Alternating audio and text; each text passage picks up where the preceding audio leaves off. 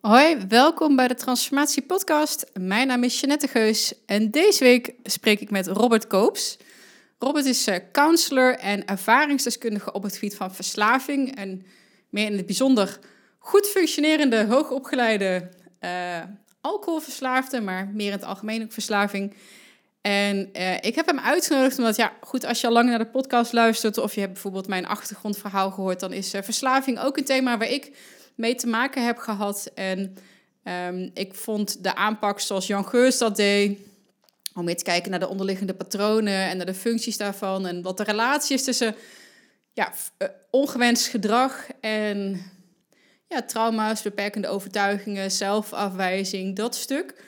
Um, daar helpt Robert ook mensen mee. En het is een vrij lange podcast geworden, maar ja, god, we raakten maar niet uitgepraat. En het was echt super interessant. En er zaten echt hartstikke veel mooie eye-openers in. Uh, ook voor mij. Dus we hebben het ook over, over ouders gehad, over vergeving, over stress, over wat verslaving überhaupt is. En uh, over zelfafwijzing. Nou, super boeiend als je het mij vraagt. En ook echt broodnodig. Dus um, ja, ik hoop dat je ervan geniet. En als je dat je er net zoveel uh, waardevolle inzichten uit haalt als dat ik heb gedaan. En voordat we naar uh, Robert gaan luisteren, wil ik je even nog kort wijzen op de gratis masterclass uh, die jij krijgt van 12 Waves. En dat is een masterclass om van dromen naar doen te gaan. Want ik weet echt al hoe het is om ambities te hebben, dromen, wensen. En daar heel erg enthousiast aan te beginnen, zoals ik ook heel erg vaak heb gedaan. En dan eigenlijk uh, steeds weer terugvallen in mijn eigen patronen of tijdsgebrek of een omgeving die niet meewerkt. Nou, je kent het allemaal wel. Uh, daar hebben we een mooie masterclass voor ontwikkeld. Uh, Michel Vos heeft dat gedaan. Um, als je daar toegang toe wil, blijf dan even wachten tot het eind van de uitzending, want dan deel ik de link waar je dat kan aanvragen. Um, ik vind het ook echt heel erg gaaf om te zien dat we op iTunes al bijna 100 ratings hebben gehad op één na allemaal vijf sterren ratings. Dus uh, manifesteer ook een vijfde ster voor mij door in je podcast app even naar beneden te scrollen bij deze aflevering en op review of rate te klikken. Je mag uiteraard ook abonneren. En als je denkt van nou, ik vond dit gesprek met Robert super waardevol, deel hem dan alsjeblieft vooral ook in je Insta-stories of op je Facebook. En als ik het voorbij zie komen, zal ik zeker dit even reposten en een shout-out doen naar jou, want ja, ik maak deze podcast niet voor mij, maar voor iedereen die luistert. Dus uh, spread the word. Um, dat was het wat betreft de intro. Uh, ik hoor je op het eind en heel graag volgende week weer.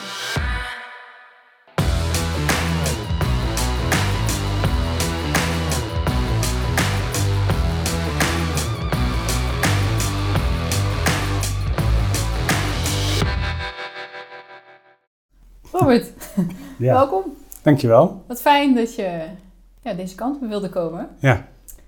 Um, is me nou even kort vertellen ook uh, waarom jij hier zit. Want ik hoorde een podcast van jou, of met jou en ja. Patrick Kikker. Ja. Leven zonder stress, volgens mij.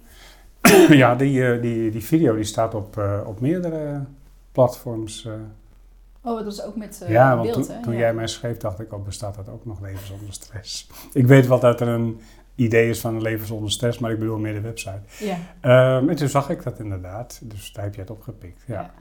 Ik hoorde dat en denk, ja, ik vind verslaving is, uh, nou ik wil niet zeggen actueel, maar wel een thema wat eigenlijk mijn hele leven al uh, in mij en in familiebanden en ja. uh, het boekje De Verslaving Voorbij, want zo ja. heet jouw praktijk. Ja, daar zit een verhaal aan vast, maar dat komt, komt ja, misschien nog. Ja, dat gaan we zo wel, ja? ben ik al benieuwd naar. Dat was het eerste boek wat ik las van Jan Geurts. Ja. In 88 of zo. zo. Nee, uh, sorry, 98. Oké. Okay. 98 denk ik, zoals ik 18. Ja. ja. En daarna heb ik alles van Jan Geurts gelezen. heb ik hem inmiddels ook uh, in de podcast ja. twee keer gehad. Ja, en, ik heb het uh, gezien. Ja, Jan ja. ontzettend inspirerend ja. mentor bijna in wat hij doet. Dus ik had zoiets van, oh wauw. En omdat Jan zich helemaal niet meer richt op het dat deel, zeg maar, Hmm. uh, vond ik het onwijs uh, boeiend om jouw verhaal bij Patrick te horen. En ik nou, ik wil jou gewoon heel graag zelf ook hier ja. uh, aan dit publiek voorstellen. Oké, okay, nou, maar leuk. dat was mijn intro. Ja. vertel. vertel wat? Um, Waarom ik hier zit, zei je daar straks? Ja, en, ja. en, en het, het, verhaal achter de verslaving voorbij. Het is een hele algemene vraag hè, nu stelt. Het, het verhaal achter de verslaving voorbij. Nou ja, ehm, de titel De Verslaving voorbij ehm, gaat voor mij en dan hoe ik dan aan die naam kom op de website, daar moeten we het straks nog maar even over hebben. Want het is een beetje, eigenlijk een beetje een gênant verhaal. Maar de verslaving voorbij, en, en dat is ook zo mooi aan de titel van het boek van Jan, is dat uh, de weg die ik heb uitgestippeld voor mezelf om uit die verslaving te komen. En je ziet dat ik het tussen aanhalingstekens plaats, want ik geloof niet in de middelenverslaving. Um, maar de, de weg daaruit is niet dat je dat via de verslaving doet, maar dat je er als het ware, je gaat er als het ware met een, weg, met een omloop omheen. Je gaat er voorbij, voorbij het probleem. En uh, terwijl. Mag je dat overstijgen noemen? Je zou kunnen zeggen overstijgen, maar uh, Carl Jung heeft wel eens gezegd, of nou die wel eens gezegd, die heeft gezegd, je kunt een probleem niet oplossen op het bewustzijnsniveau waarop het zich bevindt. Ja. En ik denk dat. Uh, dat, trouwens, alles wat ik vandaag zeg is wat ik denk. Hè. Ik, ik presenteer geen, geen nieuwe wereldfeiten of zo. Mooie disclaimer. nee, maar het is wel hoe ik erover denk. Um, ik denk dat, um, nou ja, om te beginnen heb ik moeite met het idee dat je ergens mee kunt stoppen. dus in de reguliere uh, verslavingszorg gaat het over stoppen, gaat het over uh, proberen je te onthouden van drinken, eh, of, of wat anders. En daar hebben ze ook mooie woorden voor, echt een jargon, hè, abstinentie heet dat dan. En, en men heeft het over droog staan. En ik ga weer eens even detoxen, hoor ik dan iemand zeggen. Dan denk ik ook, mijn hemel. Het is een hele subcultuur die eigenlijk het probleem in stand houdt.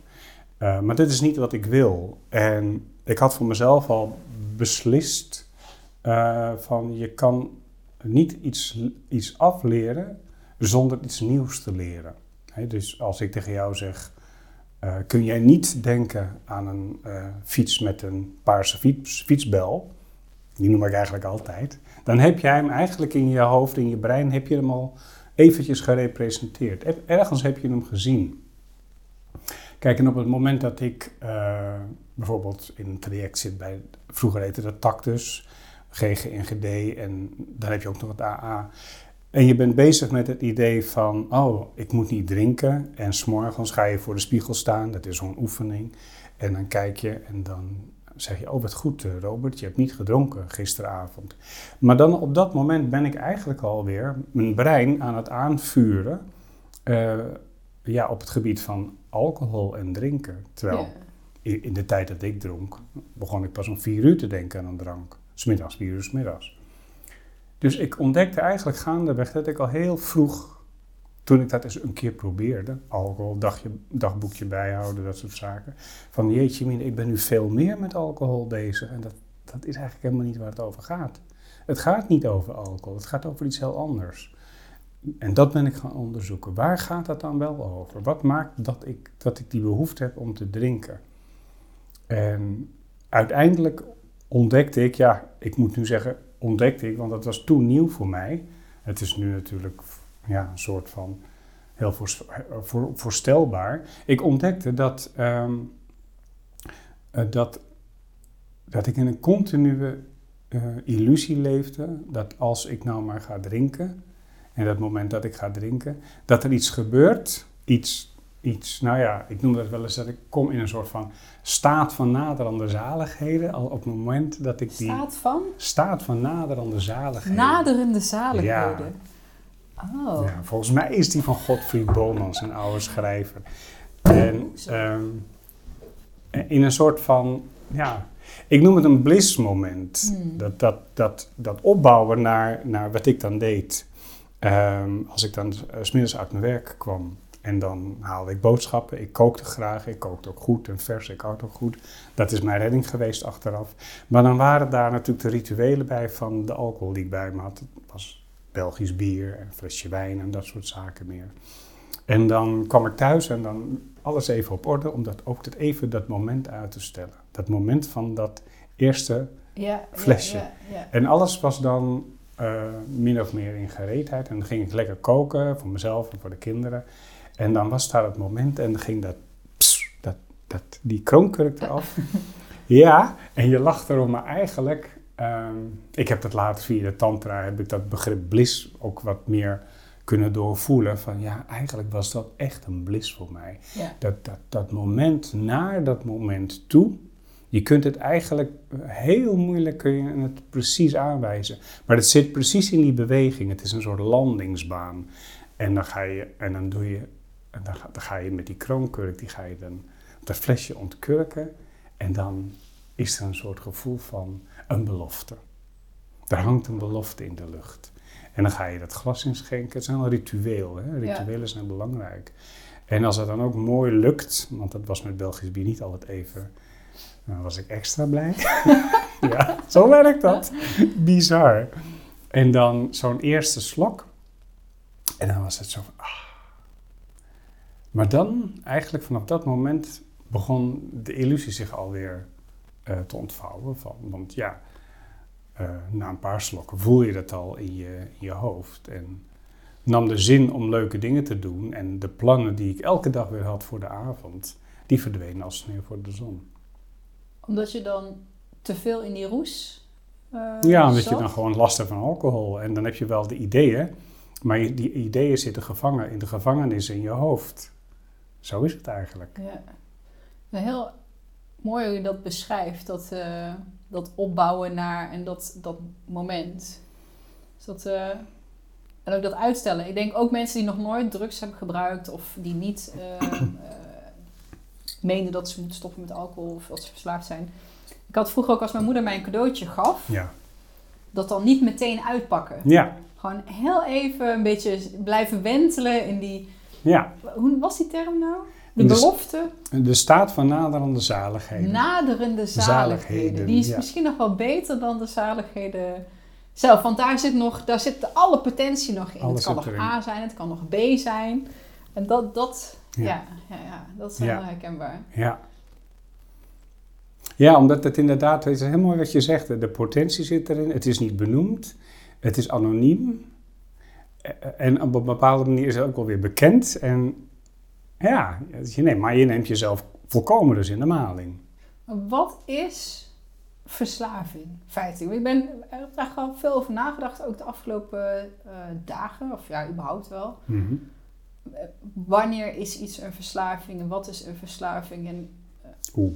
ja, Oh. Eh, jouw visie daarop. Even de disclaimer. Ja, ja, ja, ja. Ja, ja. ja nou ja. ehm, ik zou bijna willen zeggen, heb je even. Ehm, Ja hoor. ja. ehm, ik, ik, ik heb eens gezocht eh, naar de herkomst van het woord verslaving. En het woord verslaving, dat is een soort van zelfstandig naamwoord. Hè? En eigenlijk is dat gek, want je kunt wel eh, iemand tot slaaf maken. En dan, eh, eh, hoe heet het, dan ontneem je hem zijn autonomie. En vroeger in de slaventijd ontneem je iemand ook zijn identiteit. Maar het kenmerkende aan het tot slaaf maken is ehm, dat iemand geen handelingsvrijheid meer heeft. En dat hij gedwongen is zich te gedragen volgens een van buiten afkomend idee. En dat is dus wat de meester van de slaaf wil. Dus het is onvrijwillig. En dan zou je kunnen zeggen, nou ja, als je drank gaat drinken, of op welk middel dan ook, dan is dat ook op een bepaalde manier eh, onvrijwillig. Eh, wat me triggerde en wat je net zei, denk ik ook... Oh ja, dat was voor mij ooit de reden om bijvoorbeeld te stoppen met roken. Ja? Maar ook om, te, om echt te willen stoppen met eh, cocaïne. Dan heb ik een Mhm. tijd in Ja. mijn eh, adolescentie... Ja. eh, mij eh, mee acquainted. Of, eh, Mhm, mhm. was... Ik, ik voelde me... eh, inderdaad een slaaf van. Want dat, dat, dat woord gebruikte je net. En ik, oh ja, eh, ik noemde dat toen een junk. Maar Ja. gewoon Ja, eh, dat ik me daar zelf geen... Dat het macht over... Het had macht over mij. ja, En dat zat me heel erg dwars. Het feit Mhm. dat ik niet s'avonds eh, lekker kon gaan slapen... mhm. als ik wist dat ik 's ochtends geen sigaretten in huis had, ja, bijvoorbeeld. Of eh, dat eh, als je dan van huis gaat, ja, dat, je bijna een soort van neurotisch aan het zoeken bent naar je aansteken en je sleutel. En, Ja. weet je, En ik denk, het heeft me in de tang. En dat was voor mij, nou niet, niet groot, want natuurlijk gezondheid en financiën. Er zijn natuurlijk heel veel Mhm. redenen om dat niet te willen doen. Maar Mhm. eh, wat me over die edge duwde, Ja, want ik ben heel eigenwijs. En ja eh, is het feit dat ik niet, eigenlijk omdat ik te rebels was. om, om me te laten vangen daarin. Ja, ik denk dat een, een middel op zichzelf ehm, niet, niet verslavend kan zijn.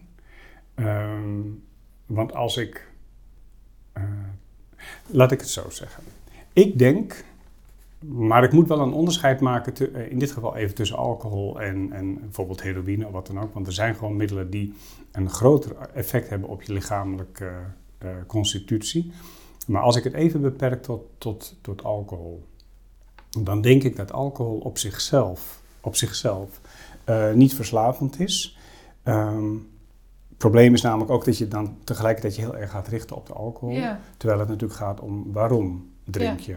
En wat is de oorzaak ervan? Ik zie, eh, ik zie het drinken als een vorm van zelfmedicatie. Er is in degene die drinkt een zekere onrust. En die onrust die wil graag gedempt worden. Ja. En om dat te dempen kun je bijvoorbeeld eh, je heil zoeken in alcohol. En dat je op den duur meer gaat drinken en dat dan dat gebruik van alcohol ook iets met je lichaam doet. En dat het een routine wordt. En dat dat dan misschien een soort van, eh, zou je kunnen zeggen, verslaving wordt. Dat is allemaal prima, is allemaal leuk en aardig. Maar op het moment dat jij op, op, op zoek gaat naar de oorzaak van wat heb ik nou zo brood nodig om te gaan drinken, wat, wat is dat nou precies?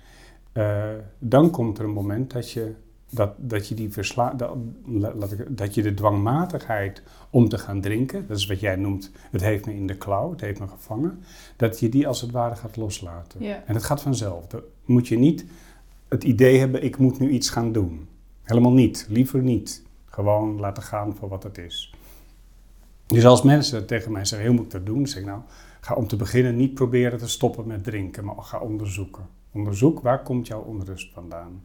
En kan je dat, want volgens mij zijn er heel veel toevluchten die mensen gebruiken. We hebben, want ik denk dat het tegenwoordig eh, ook eh, televisie en eh, werk en eten, en, nou niet tegenwoordig, maar Mhm. dat we heel veel eh, behoefte hebben aan iets om die onrust eh, weg te nemen. Ja. En misschien hebben we nu als collectief misschien nog wel veel meer onrust dan Ja. ooit. En ook veel meer mogelijkheden om dat weg te nemen. Dus het, ik Ja. ging erover nadenken. Ik denk, ja, waar kan je verslaafd aan zijn? Ik denk, ja, ik ben ook een workaholic, bij wijze van spreken. Mhm.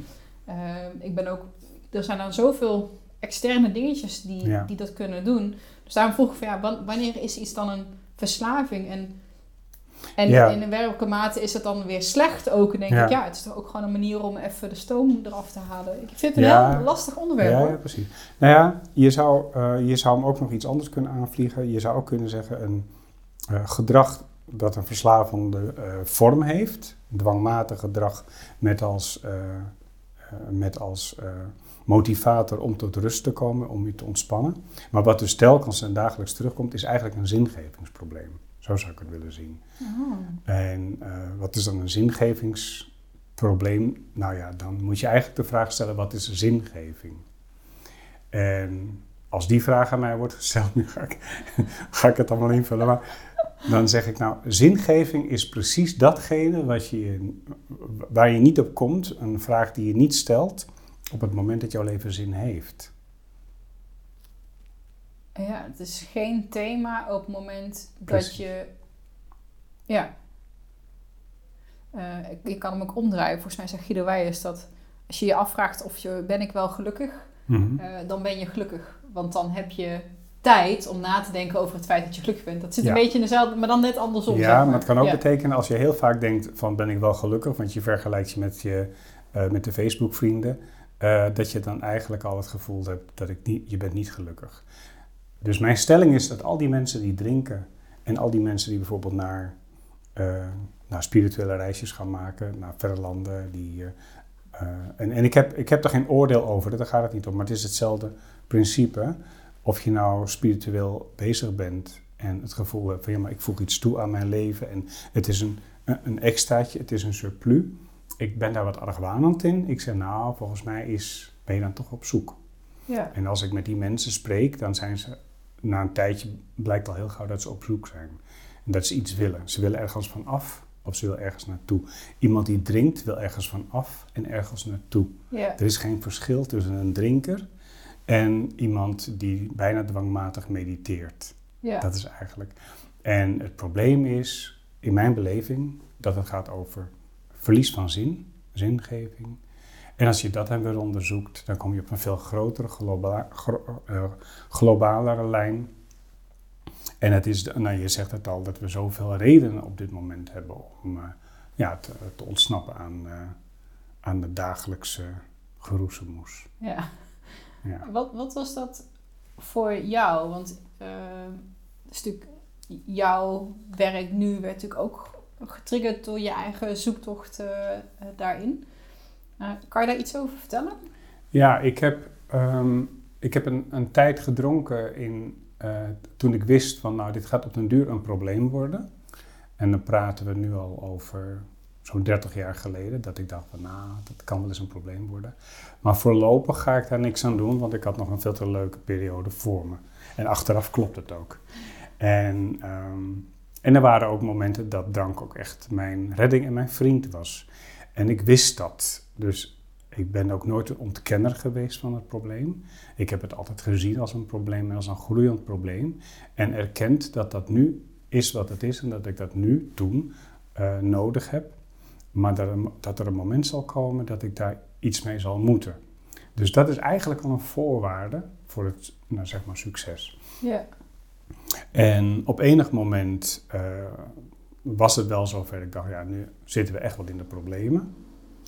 En toen moest ik het beginnen waar te maken. Wat ik dacht van, ja, eh, ooit komt er een moment dat ik er, dat ik er vanaf ben of zo.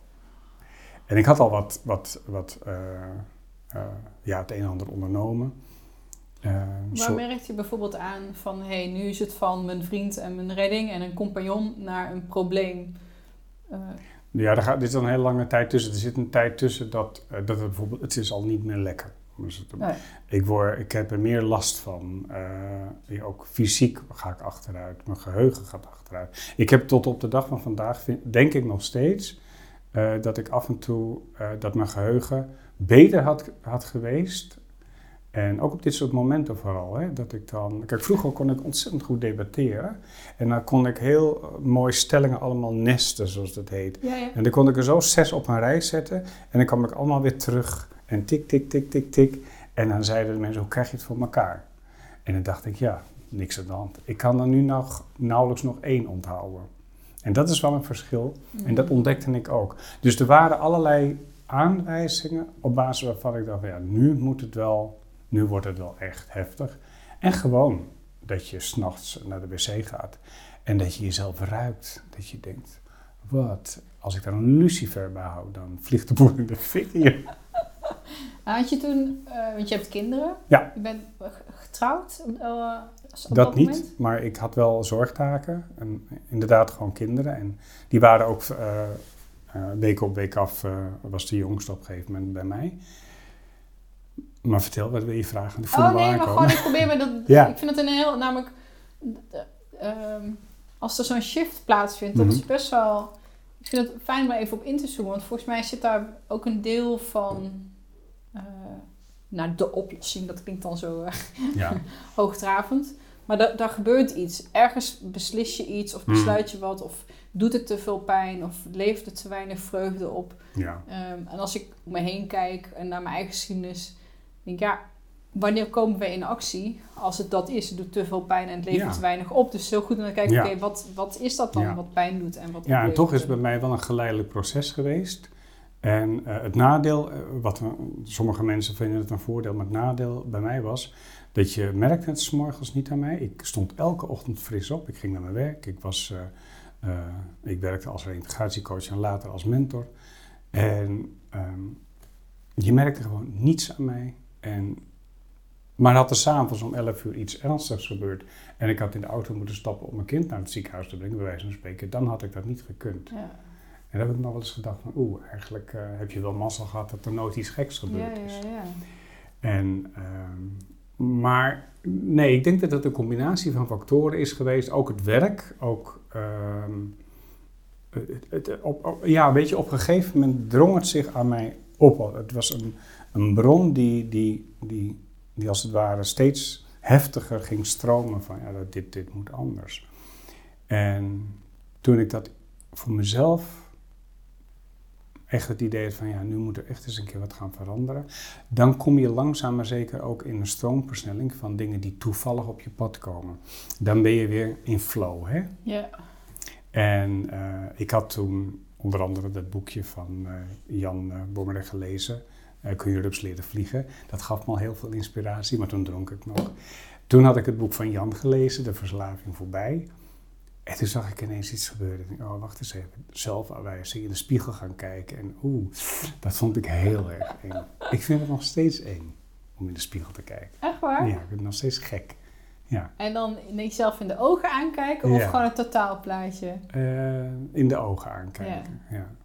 Ik voel nog steeds de spanning van de jeugd op mijn gezicht. Ja. Ja. Dus, oh. Ja, dat, dat, dat is natuurlijk wat het, waar het naartoe is gegaan. Want uiteindelijk, nou, ik ben die boeken gaan lezen en op enig moment kwam er een moment dat ik zei: Oké, nu ga ik een project doen. Ik maak er een project van. Ik had wat van die instellingen links en rechts een klein beetje bezocht. En ik dacht dat het is papa en nat houden. En er werd ook wel eens gezegd: Ja, je hebt voldoende in je gereedschapkist om het zelf te doen. Vond ik niet fijn als men dat zei, want ik had graag steun gehad. Ja. Maar goed, dat was er Oh, je hebt het helemaal zelf... eh, Ik heb het helemaal zelf gedaan. Oh, En toen heb ik gewoon een aantal boeken op een rij gelegd. Van, dit is wat ik ga lezen. En dat was Jan natuurlijk. Dat was ook Ellen, ook Ellen Carr. ja, Dat die is een- ook gelezen. Een, een, een heel apart gek boek, maar er zaten toch interessante dingen in. Ehm, en nog wat andere titels, en die ben ik helaas kwijt, want die heb ik kennelijk uitgeleend.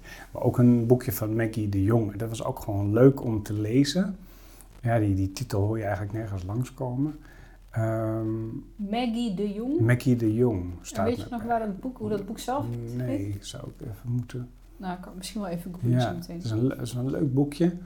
Want daarin stond ook heel duidelijk ehm, van, ja, eh, je, je omgeving kan niet veel doen. En probeer ook als kind niet te veel te investeren in de, in de verslaving van je ouders. Dus dat, het waren allemaal wat, wat van die, ehm, van, van die ja, Eye-openers. eye-openers. Maar de belangrijkste eye-opener ehm, was eigenlijk het volgende.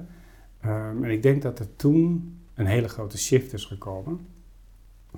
Ehm, dat is dat ik. Het, het was een plaatje van de ANWB. Een reclame dingetje. En daar stond ja, een soort Zwitserleven gevoel. Zo'n plaatje. En daar stond een. eh, het was een interieur van een oude Mercedes. Echt dat mooie met dat witte, zo'n wit stuur en dat rode. Echt retro. Echt dat je als je het zegt van, wauw, dit is geweldig. Nou, en ik zag dat en ik voelde een enorm gevoel van heimwee. En echt een diepe knagende rouw, heimwee. En ik was toen iets van, denk 54 jaar. En iets in die geest. En ik, keek en ik dacht, maar wat gebeurt er nou met je? Dus ging ik in dialoog met mezelf. Dat was in, dat, in die tijd van dat project. Wat gebeurt er nou met je? Zo kijken naar dat plaatje. En het is, ja, dat gevoel van vroeger. Ja, wat is er dan met vroeger? Ja, ja, ja. Ja. Ja, vroeger. Ja. Vroeger was alles beter. Zo ging die geestje. Ehm, nee, maar dat plaatje, dat is wel een romantisch plaatje. Ja, dat is wel een romantisch plaatje. Oh ja, ja. ja. Probeer er even in te gaan, hè. Zo zat ik tegen mezelf. Oké. Want ja, laten we wel wezen, in de tijd van die auto, toen die werd gemaakt, kon jij die auto niet betalen. Dat is een auto van eh, misschien wel een ton. Oh ja.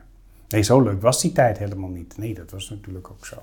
Maar ja, maar wat was er dan wel in die tijd? Probeer eens te voelen. En ik voel en ik voel en ineens wist ik het. Er was hoop. Ah, er was hoop. En hoe zag die hoop er dan uit? Zo ging dat. Nou ja, ik had tijd. Ik had toekomst. Ja, ja. Oh ja, en nu dan? Want waarom drink je nu dan? Want nu ben je eigenlijk in dat later. Oh, ja, dacht ik, nou weet ik het. Die staat van naderende zaligheden, waar ik inga, die droom waar ik inga, elke avond weer, de belofte van het wordt beter, is eigenlijk de melancholie. Ik ga weer terug naar de tijd van vroeger, in de tijd dat er hoop was. Dus dat drankje brengt mij als het ware weer terug naar vroeger. En vroeger was er hoop, dus ik ben eigenlijk weer aan het hopen. Terwijl ik weet, in het hier en nu, er is niet zoveel toekomst meer als dat ik 20 jaar was, zeg maar. Het voelt ook al een beetje als het, dat je flow ervaart of zo in, in dat, dat stukje tijdloosheid of zo. Uh, dat, dat ritueeltje wat je beschrijft. De tijd stopt dan ook eventjes op Ja, absoluut, absoluut. Ja, dus dat is natuurlijk ook onderdeel van dat, dat stukje wat je net omschrijft, volgens mij. En, en, toen ik dat zag, dacht ik, oh wacht eens even. Dus ik ben elke avond, ben ik mezelf terug aan het plaatsen in de tijd dat, dat ik toen, naar de toen, omdat er toen hoop was. Terwijl ik nu hoop op hè, in een toekomst die mij iets zal geven. Ik ben die tijd helemaal voorbij, ik ben er al. Ik, hè, later is al lang begonnen, hè, dat mooie liedje van Klein Orkest. Ehm, ik, ik, dit is al later. Eh, en nu dan? Ja, maar dit is echt, dit kan niet. Hmm. En dat was een hele grote eye-opener. Ik dacht, jeetje mina, ben ik mezelf zo in de maling aan het nemen? Is het zo erg? Dat was, was dat op dat moment voor jou ook genoeg, of was dat uh, om daarna minder of niet meer te drinken? Het, het, het, bracht mij in dat proces waar ik mee bezig was. En dat was veel lezen en veel voelen. En er gebeurden nog een aantal heel, hele heftige gebeurtenissen net in die tijd. Eh, in een hele korte tijd. Een aantal zeer heftige gebeurtenissen. Waardoor ik veel meer uh, kon kijken naar dat, dat alles is wat het is. Dingen gebeuren gewoon. Dus ik zat veel minder in dat, in dat ja maar en in dat en, en nou, het slachtoffergevoel, dat, dat, dat ebte weg. Want ik zag alles gewoon voor wat het was. Dus ik begon steeds minder beklemmend me overal in vast te bijten, mee te bemoeien en de onrechtvaardigheid overal van aan te tonen van dingen die gebeuren, mensen die gekke dingen doen.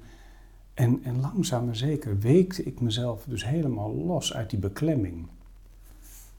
En ik weet dat het een hele moeilijke vraag is, maar weet je nog hoe je dat deed? Of als je dan bij jezelf betrapte op, oh, ik vind weer iets van iemand waar ik me eigenlijk mee wil bemoeien, of ik wil weer uh, dat, dat, stukje onrecht uh, recht zetten. Dus ik vind het super herkenbaar namelijk. Ja. Ik vind altijd, en oh, ja. Als je bij Jan Bommeré, weet je, ja, loslaten, nou dat doe je niet. Dat, maar toch, we zijn we allemaal op zoek naar, oh, wat moet ik dan doen? Ja, eigenlijk moet je dus gewoon minder doen of zo?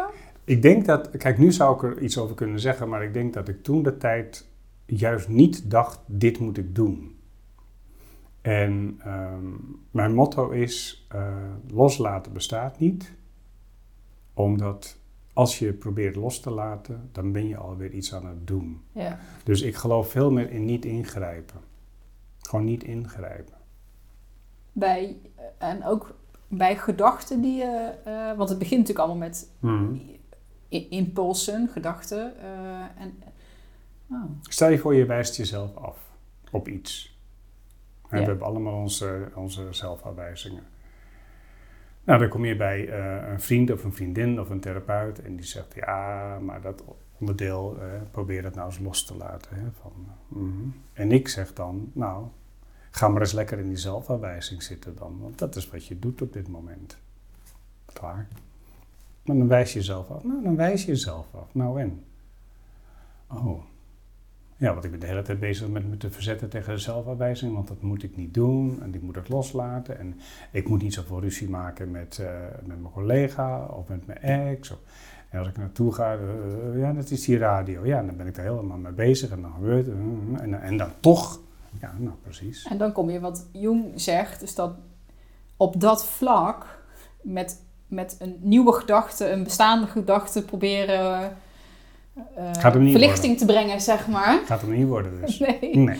Ja, ja. En dat is heel lastig, hè? want waar is nou het aangrijpingspunt? Hè? Want dan zegt iemand, ja, maar dan kom ik daarin terecht. En dan zeg ik, nou, dan kom je erin terecht.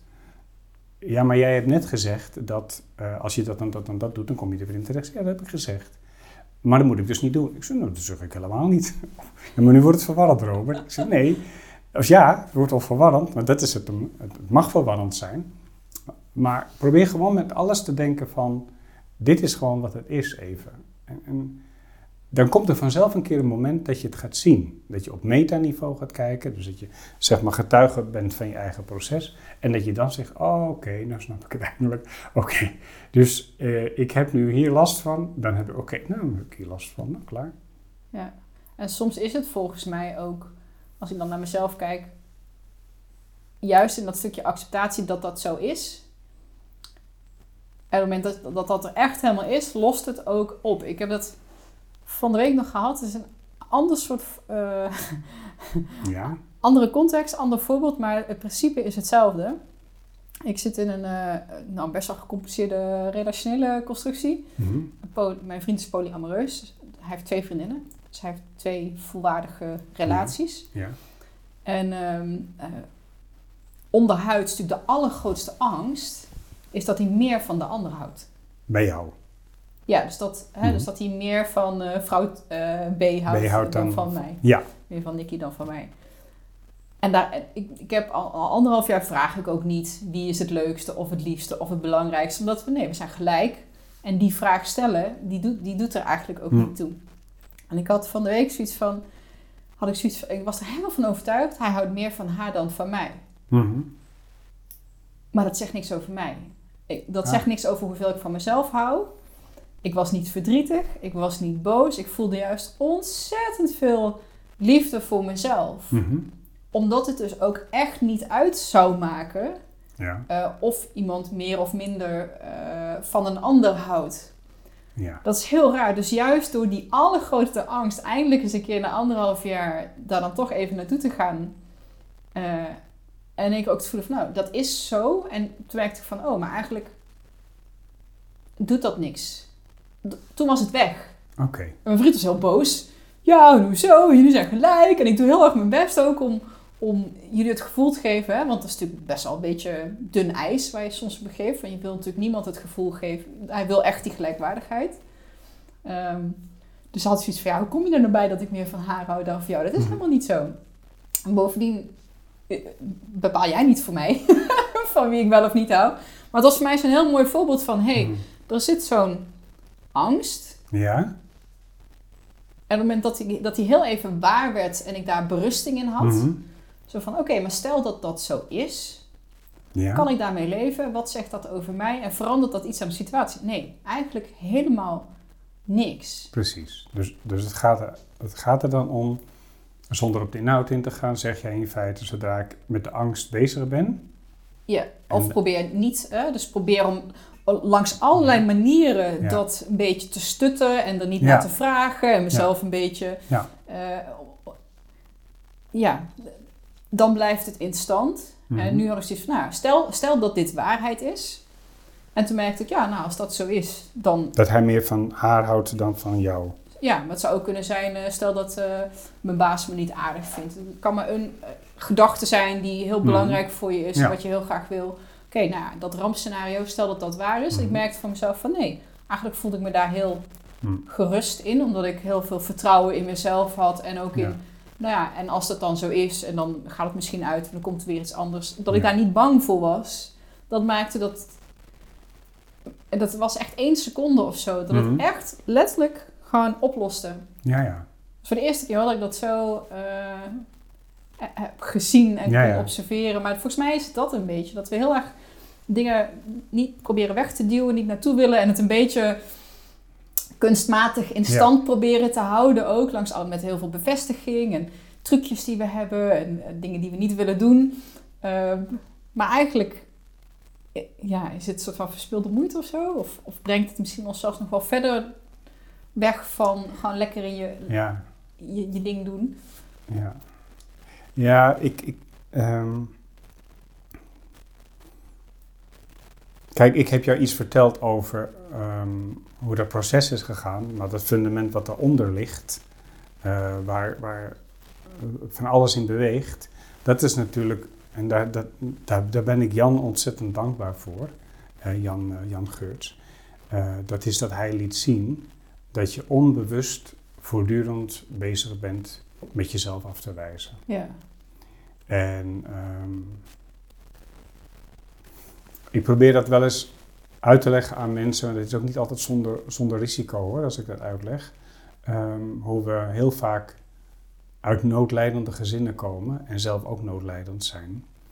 En dat gaat net, net even iets verder dan wat Jan schrijft. ehm, want ik probeer die, die negativiteit die we over onszelf voelen. En wat we dan ook wel weer proberen te ontdekken, probeer ik nog wat verder, eh, zeg maar, handen en voeten te geven.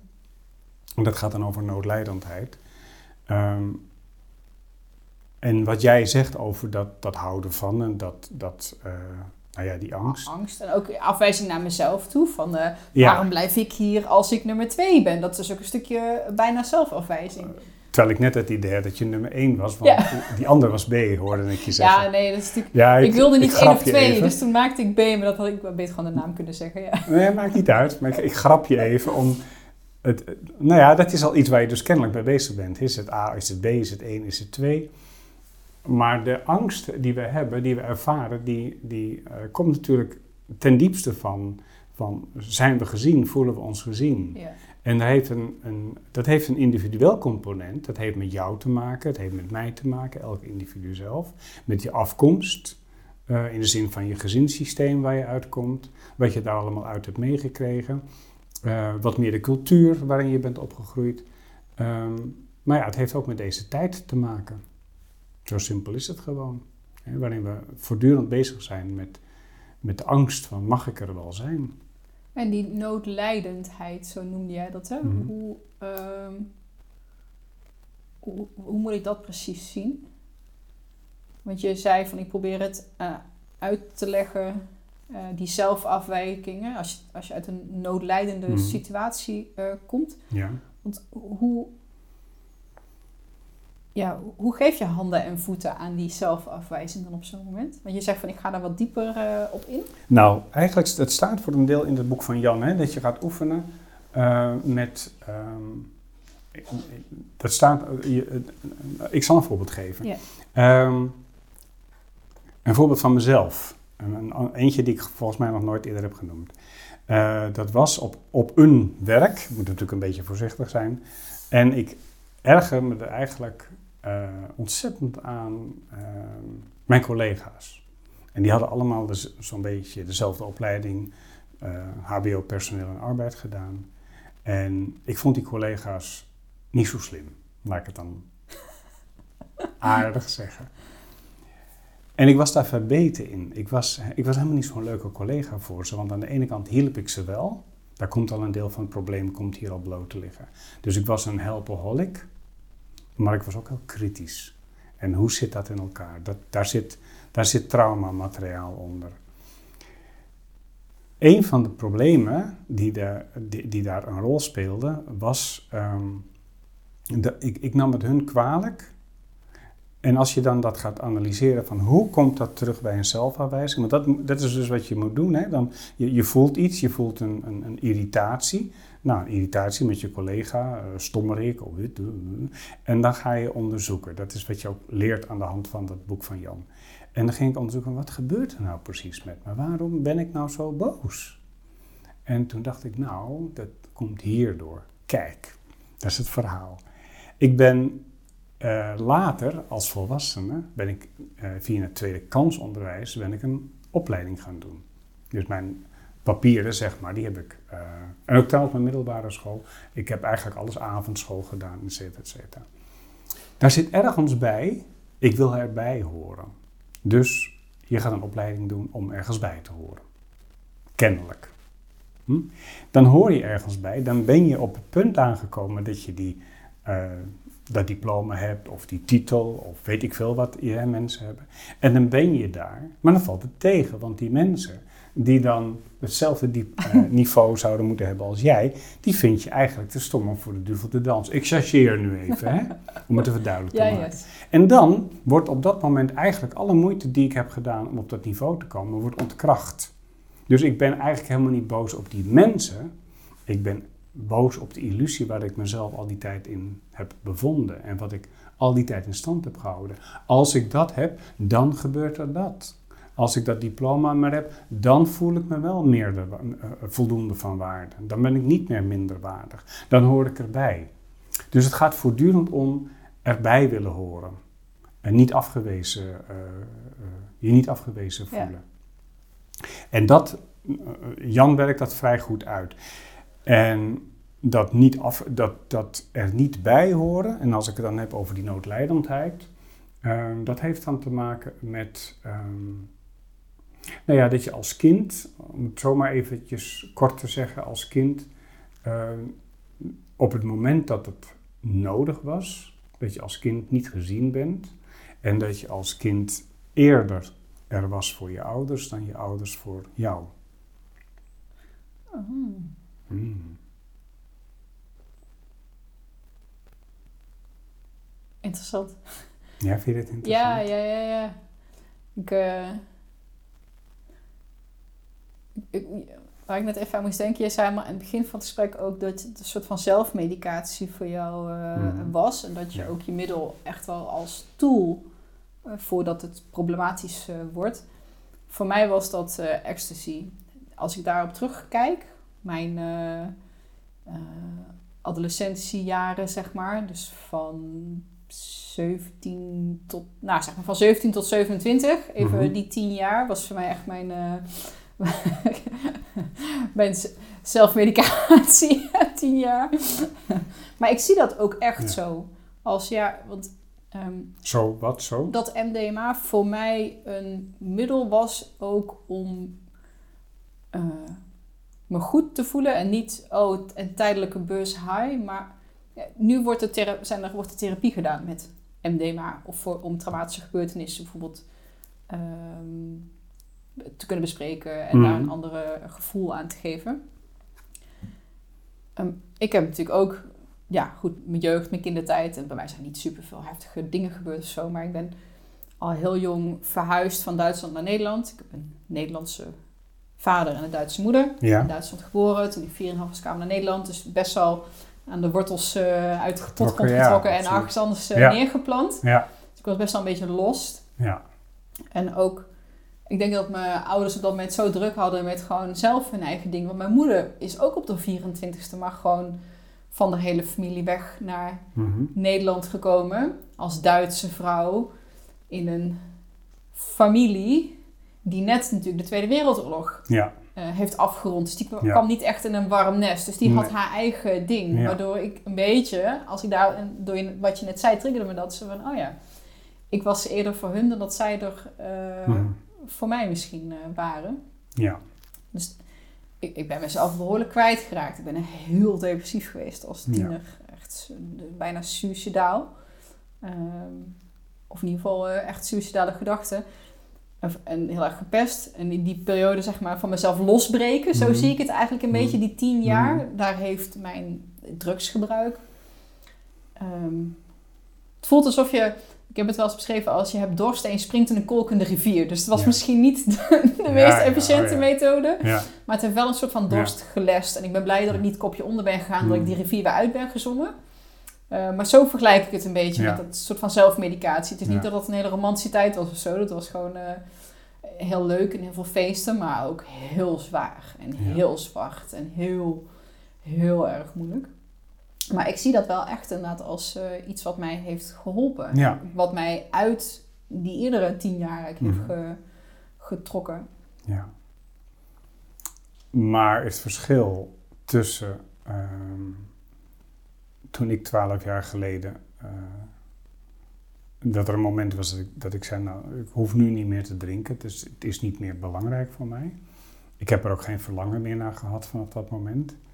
En het stoppen uh, onder druk, van ja, ik moet nu stoppen, ik heb met mezelf afgesproken, ik ben in behandeling en, enzovoort enzovoort. Het verschil tussen die twee is dat je die jeugd nou laat ik het zo zeggen, dat je de reflexen die je door je jeugd meedraagt, die reflexen van reageren, van over jezelf voelen, dat je die onderzoekt. Waar komt het nou precies vandaan en wat genereert het en kan ik dat, dat patroon doorbreken. Ja. En ik geloof heel erg dat het inzicht je helpt om die patronen te doorbreken, voor zover ze van jou, van jou zijn. Want ik zeg er wel bij, eh, niet alleen de, de, de ene mens die wat heeft is ziek. We leven ook wel in, eh, in een tamelijk overspannen samenleving. Ja. Dus het is ook een, ook een meer een, een existentieel verhaal dat over de hele westerse samenleving heen ligt. Ja. En wat ik net zei, ehm, van nou, het is ook wel tricky als ik dat uitleg, als ik het helemaal uitleg, want dat heb ik net niet gedaan, eh, hoe dat zit met die noodlijdendheid. En wat mij dan net opvalt als je dit vertelt, hè, dat je zegt van nou, er gebeurde helemaal niet zo heel veel spannends eh, vroeger in mijn jeugd. En vervolgens ga je verder met wat je zegt en dan hoor ik allemaal hele heftige dingen. En daar zit een discrepantie in. En dat hoor ik eigenlijk altijd als ik met mensen spreek. Eh, van nou, nee, op zich viel het wel mee. En als we dan een tijdje verder zijn, dan zeggen ze, oh ja, verrek, wacht eventjes. Dat je ouders er voor jou zijn, en, je moeder dan met name, zeker in het begin, dat is, dat is levensbepalend. En als een moeder en dat geldt ook voor een vader, maar veel meer nog helaas voor een moeder dan voor een vader. Als een moeder niet een zee van beschikbaarheid is voor het, voor het jonge kind, dan voelt het hele, hele jonge kind voelt dat vanzelf aan. Dat gaat allemaal dus uh, preverbaal, want er is nog geen verbale fase, er is nog geen denken en analytisch vermogen. Dus op de een of andere manier voelt het kind al heel snel aan dat het voorwaardelijk is. Het, het is er, maar het is er voorwaardelijk. En later zie je dat terug in uh, dat een ouder bijvoorbeeld heel trots is op het kind. Maar dan gaat het vooral over wat het kind heeft gedaan, wat het kind heeft bereikt en wat het kind allemaal doet en wat het kind allemaal kan. En als je dan verder de biografie onderzoekt, dan zie je steeds weer uh, patronen terug van een kind die uh, allerlei dingen regelt. Een helpaholic is zoals ik dat ben. En en eigenlijk altijd bezig is geweest met het gezinssysteem stabiel te krijgen, zo stabiel mogelijk. Waarom? Om te zorgen dat je zelf uiteindelijk die zorg weer krijgt. Ja, Want zonder ja, ja. die zorg ga je eraan. Ja, Dus je bent al heel vroeg raak je getraind om te voelen wat heeft die ander, in dit geval mijn moeder, jouw moeder, mijn moeder, iedereen's moeder, vader, broers en zussen op den duur ook. Wat hebben zij nodig, zodanig dat het hier weer oké is, zodat ik weer veilige ruimte heb. dat is echt spijker op z'n kop volgens mij. En ik zeg het in, in iets andere woorden, maar die conclusie heb ik zelf ook al een keer. Mijn moeder zei ook, ja, bijvoorbeeld mijn vader, maar mijn vader heeft zijn eigen problemen met eh, depressie. Hij zei het Mhm. laatst zelf van, ik zie nu pas dat ik op 30 jaar gewoon zwaar depressief eigenlijk ben. Of Mhm. manisch depressief, daar neigt het soms naar. Dat zei mijn moeder van, ja, je weet precies eh, wa- wanneer ik wat moet vragen en op welke manier Ja, heel erg ingetuned op eh, de staat van de ander. Om, eh, en ik dacht, ik zag het altijd een beetje als iets slechts. Zo van, oh, dat is ik die mijn zin wil krijgen. Maar nu ik het jou zo hoor zeggen, ja, maar dat is veel logischer. Van, als jij oké bent, kan ik daarna ook ontspannen. ja en het is heel ingewikkeld en dat is heel de- destructief, want het probleem is, later ga je geloven, een, worko- een, een, een helpaholic, zoals iemand zoals ik vooral ben geweest, want ik ben niet meer zo'n helpaholic natuurlijk, maar ik heb wel wat geleerd. ja. Maar die gaat ook nog geloven dat hij hulp geeft. En als ik een helpaholic tegenkom, dan zeg ik, ja, maar volgens mij ben je jezelf aan het helpen. En dat is echt schrikken. En dan leg ik dat principe uit. En als iemand dan echt gaat voelen van, ja, maar wat ben ik nou eigenlijk precies aan het doen? Ik zeg, jij bent applaus aan het oogsten. Dat applaus geeft jou het gevoel, dat eigenlijk dat gevoel wat nooit, nooit, wat je nooit hebt gehad, toen het moest, toen het nodig was, dat je ertoe doet. Dat je er mocht zijn. En als je dat ooit hebt gemist in de tijd waarin je dat nodig had, zul je het altijd blijven zoeken. Je zult het de rest van je leven blijven verlangen. En het probleem is, hoe meer mensen applaudisseren, hoe sterker het verlangen wordt. Het wordt nooit bevredigd. Niet met alcohol, niet met applaus, met niks. Ook niet met spirituele reisjes, met satsang en de hele zantekraam. Het wordt nooit bevestigd. En waarom niet? Stel je voor dat ik in al mijn onzekerheden, hè, dat ik voor een volle zaal sta en dat ik een enorm applaus krijg. Dat is geweldig, Robert, wat jij nu weer hebt gedaan, geweldig. Maar ten diepste heb ik het applaus nodig. Het is een soort surrogaatliefde achteraf. Ik heb het nodig, maar eigenlijk geloof ik nog steeds niet echt in mezelf. Maar die anderen, die zeggen dat ik geweldig ben.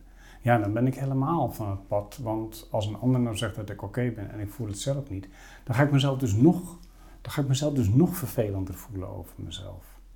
Dus, dus je bent voortdurend jezelf aan het vertellen. Jij kan jezelf, je houdt niet van jezelf. Je kunt jezelf niet, niet beoordelen. Anderen zien het wel, jij ziet het niet. Hoe kan dat nou? Weet je, dus. En nou, dan, dan weet ik het wat ik moet doen. Morgen doe ik het nog beter. en dat doen veel artiesten. Ja. Die willen het morgen een nog groter feest. Ja. Dat is ook wat Patrick zegt hè, in zijn, uh, met zoveel woorden. Het moet nog mooier, het moet nog beter dan dan. Dan, dan bereik ik het. Dan is het oké. En dan is het zover en dan heb je het gedaan. En dan kom je thuis in een enorme leegte. Het is verschrikkelijk, het is een hel. Want je wordt steeds eenzamer. Hoe meer applaus je krijgt, hoe eenzamer je wordt. Ja. Wat je net zei over uh, waar je dat aan ziet, is dat ouders dan heel erg trots zijn op, om sorry even een beetje terug in je verhaal, op uh, de, de, de, de, daden, zeg maar, niet mhm. op de persoon. Ja, jezus, dat is ook wel echt even punch in my gut. Ja, ja dat is precies wat er gebeurt. Ja. Dat is, ik, heb, ik heb nu geen goede band met mijn ouders, omdat ik me heel erg stoor aan dat patroon. Ik heb daar nog niet een, uh, een goede, oh. goede way out om dat te, te overstijgen of, of hmm. uh, anders in te kleden. Ja, ja. Omdat er ook nooit gevraagd wordt van hoe gaat het met je, wat ben je aan het doen. En dan weet ik dat ze super trots zijn, dat zeggen ze ook. En dan, maar eigenlijk weten ze niet precies waarop. Ja.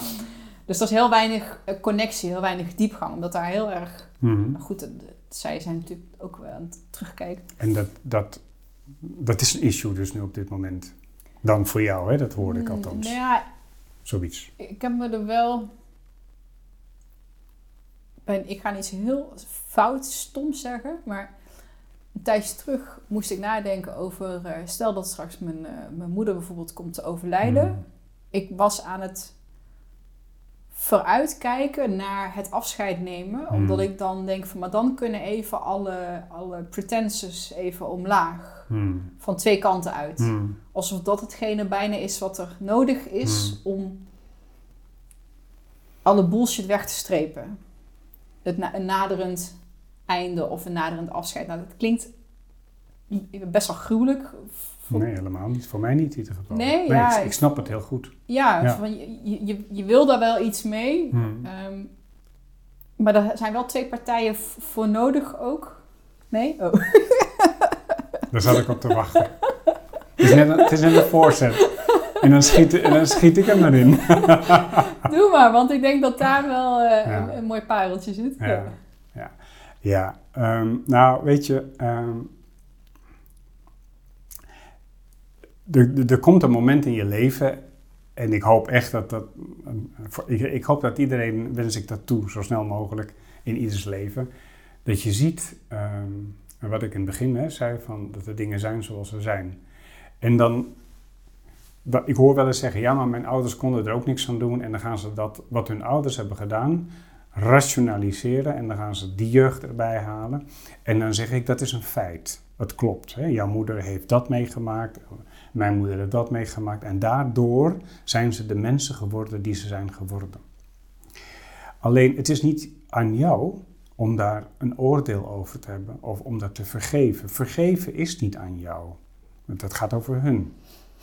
Waar het om gaat is dat je ziet dat zij je hebben opgevoed zoals ze je hebben opgevoed. That's it.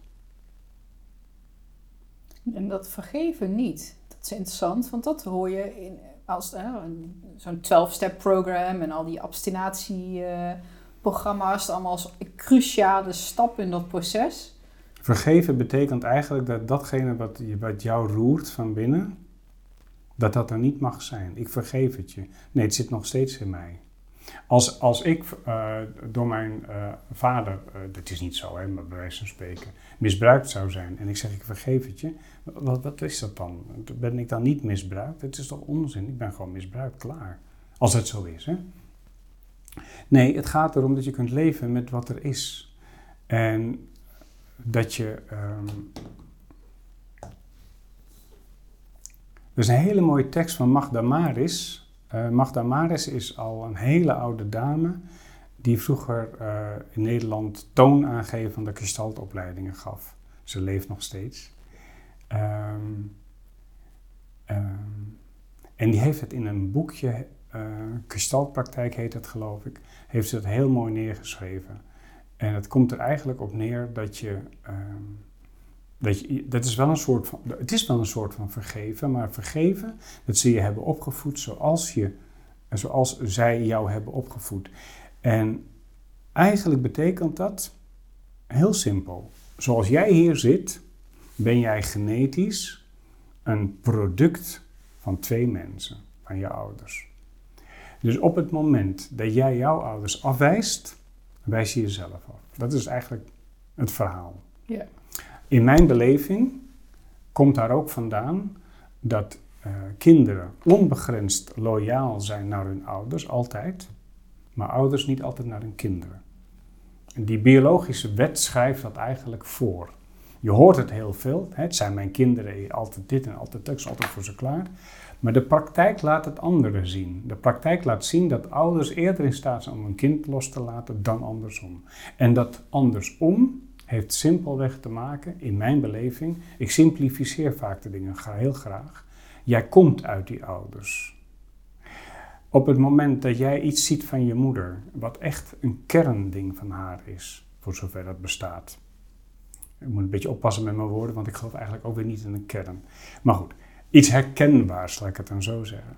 En je wijst dat af, dan wijs je ook iets van jezelf af. Want je zult zien dat jij een hele hoop van die dingen zelf ook hebt. Oh, absoluut. Daar gaan we. Ja, nee, zeker. Maar het idee, ik heb daar mijn ouders voor nodig. Ja. Het kan wel. Het kan wel dat je in therapie op een punt komt dat je zegt: Ik ga mijn moeder of mijn vader confronteren met dit. Dat heb ik ook gedaan. Um, mijn vader begreep daar niks van. Ik praat nu echt over heel lang geleden. En mijn moeder begreep het eigenlijk wel. En die heeft ook haar excuus gemaakt. En dat is mooi dat dat is gebeurd. Maar ook dat verandert er niks aan, aan wat er werkelijk gebeurd is. Het verandert het niet. Het is gebeurd. Alleen, dat betekent niet dat je in die boosheid moet blijven. Dat je, vast, dat je van het toen het nu moet maken. Maar dat je wel begrijpt dat je daardoor bepaalde gevoeligheden hebt. En die zijn er en die blijven er. Ja. Ja. Ik heb, ook, uh, ik heb dat ook, heb ze ook op, op het matje geroepen. ze vergeven. Zoals uh, ja. uh, nou, een stukje zelfonderzoek. en wat je zegt, dan is dat moment geweest. Mm -hmm. En daar hik je heel lang tegenaan. Want het is ontzettend mm -hmm. moeilijk om dat gesprek aan te gaan. En dan was het met vijf minuten gebeurd. Eigenlijk ook. Mm -hmm. en daarna is er niks veranderd. Is er eigenlijk, eigenlijk verandert er dan op dat moment niks. Behalve dat ik, dat ik een gesprek heb gedaan. wat ik heel erg moeilijk vond. En uh, ook, ik weet nog, er was één specifiek ding waarvan ik weet van... En daarom, uh, daar komt mijn be bewijsdrang onder andere vandaan. Ja. En mijn vader ook verteld van... Hey, toen dan, uh, ik was iets aan het schrijven. Ik schreef lieve juf. Ja. En ik leerde net schrijven. En ik schreef lieve juf met een F in plaats van een V. Mm -hmm. Nou, toen zei mijn vader... Jezus, wat ben jij stom zeg. Een F in plaats van een V? Ja. Of, uh, is een V in plaats van een F? Of uh, zeg je dat verkeerd? Oh, lieve van het V van lieve. Ja, lieve, oh, ja. lieve juf. En Met een F. F. Oké. Okay. Lief, lieve. Ja. In plaats van lieve ja. juf. En dat was heel gevoelig, want ik was net in Nederland komen okay. wonen. Het was ja. een basisschooljuffrouw. En ik, heb, ik weet nog dat ik in de kennismaking aan haar vroeg, wilt u mijn vriendinnetje zijn? Nou, vond ze natuurlijk hartstikke uh, schattig. En die, die juffrouw, daar was ik dus. En zijn vader, ben jij stom zeg. Dus achteraf, kijkend, observerend, denk ik, ja, daar is... Dat woordje wat bij jij stom zegt, dat heeft denk ik twintig jaar lang, dat zinnetje, op de achtergrond, op repeat in mijn hoofd gestaan. Hmm. het moment dat ik dat tegen mijn vader vertelde, van dat moment en dat schrijven naar de juffrouw, dan zat hij me echt aan te kijken. En ik, waar heb jij het? Ik kon het zich niet meer voor de geest halen. Nou, het spijt me als dat is gebeurd, weet je wel. Dus dat is ook heel gek om dan te merken wat voor mij zo ontzettend vormend is geweest, was voor hem Ja. nooit bij stilgestaan. Dus dat, en het, het was ook niet dan daarna van, oh, nou, ik voel me... dat er iets echt veranderd was Nee. of zo. Dus Nee. dat, in die zin kan ik het verhaal heel goed volgen. Van, Ja, wat, wat doet het dan? Ja, want als er vandaag of morgen ineens dan toch weer eens een keer een kwestie is, dan is het oude, dat lichaam reageert wel. Ja, die triggers, dat, dat, dat, Die zijn er gewoon. Die heb ik. Ja. precies. Die veranderen dan daarmee niet. Nee. Nee. En dit is dus oppassen geblazen dat je voortdurend met, de- met dat hogere brein, dat, die neocortex, dat, en dat is wat mensen doen op dit ogenblik. Die hele wereld van al die zelfhulpboeken en al die retraites en die eh, reisjes naar, eh, naar India en, en de verslavingsreisjes naar Afrika. Het zijn allemaal gementaliseerde processen die op een veel dieper niveau in het brein zijn geregistreerd, vastgelegd en jouw leven bepalen.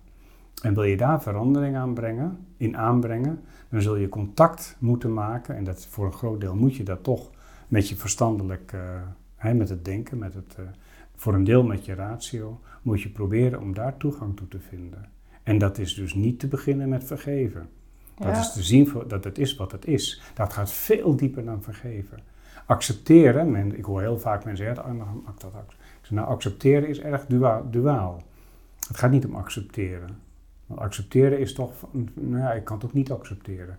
Oh ja, dat is waar. Ja, dan ben je dus toch aan het wikken en het wegen. Ja, ik ben aan het wikken en het wegen.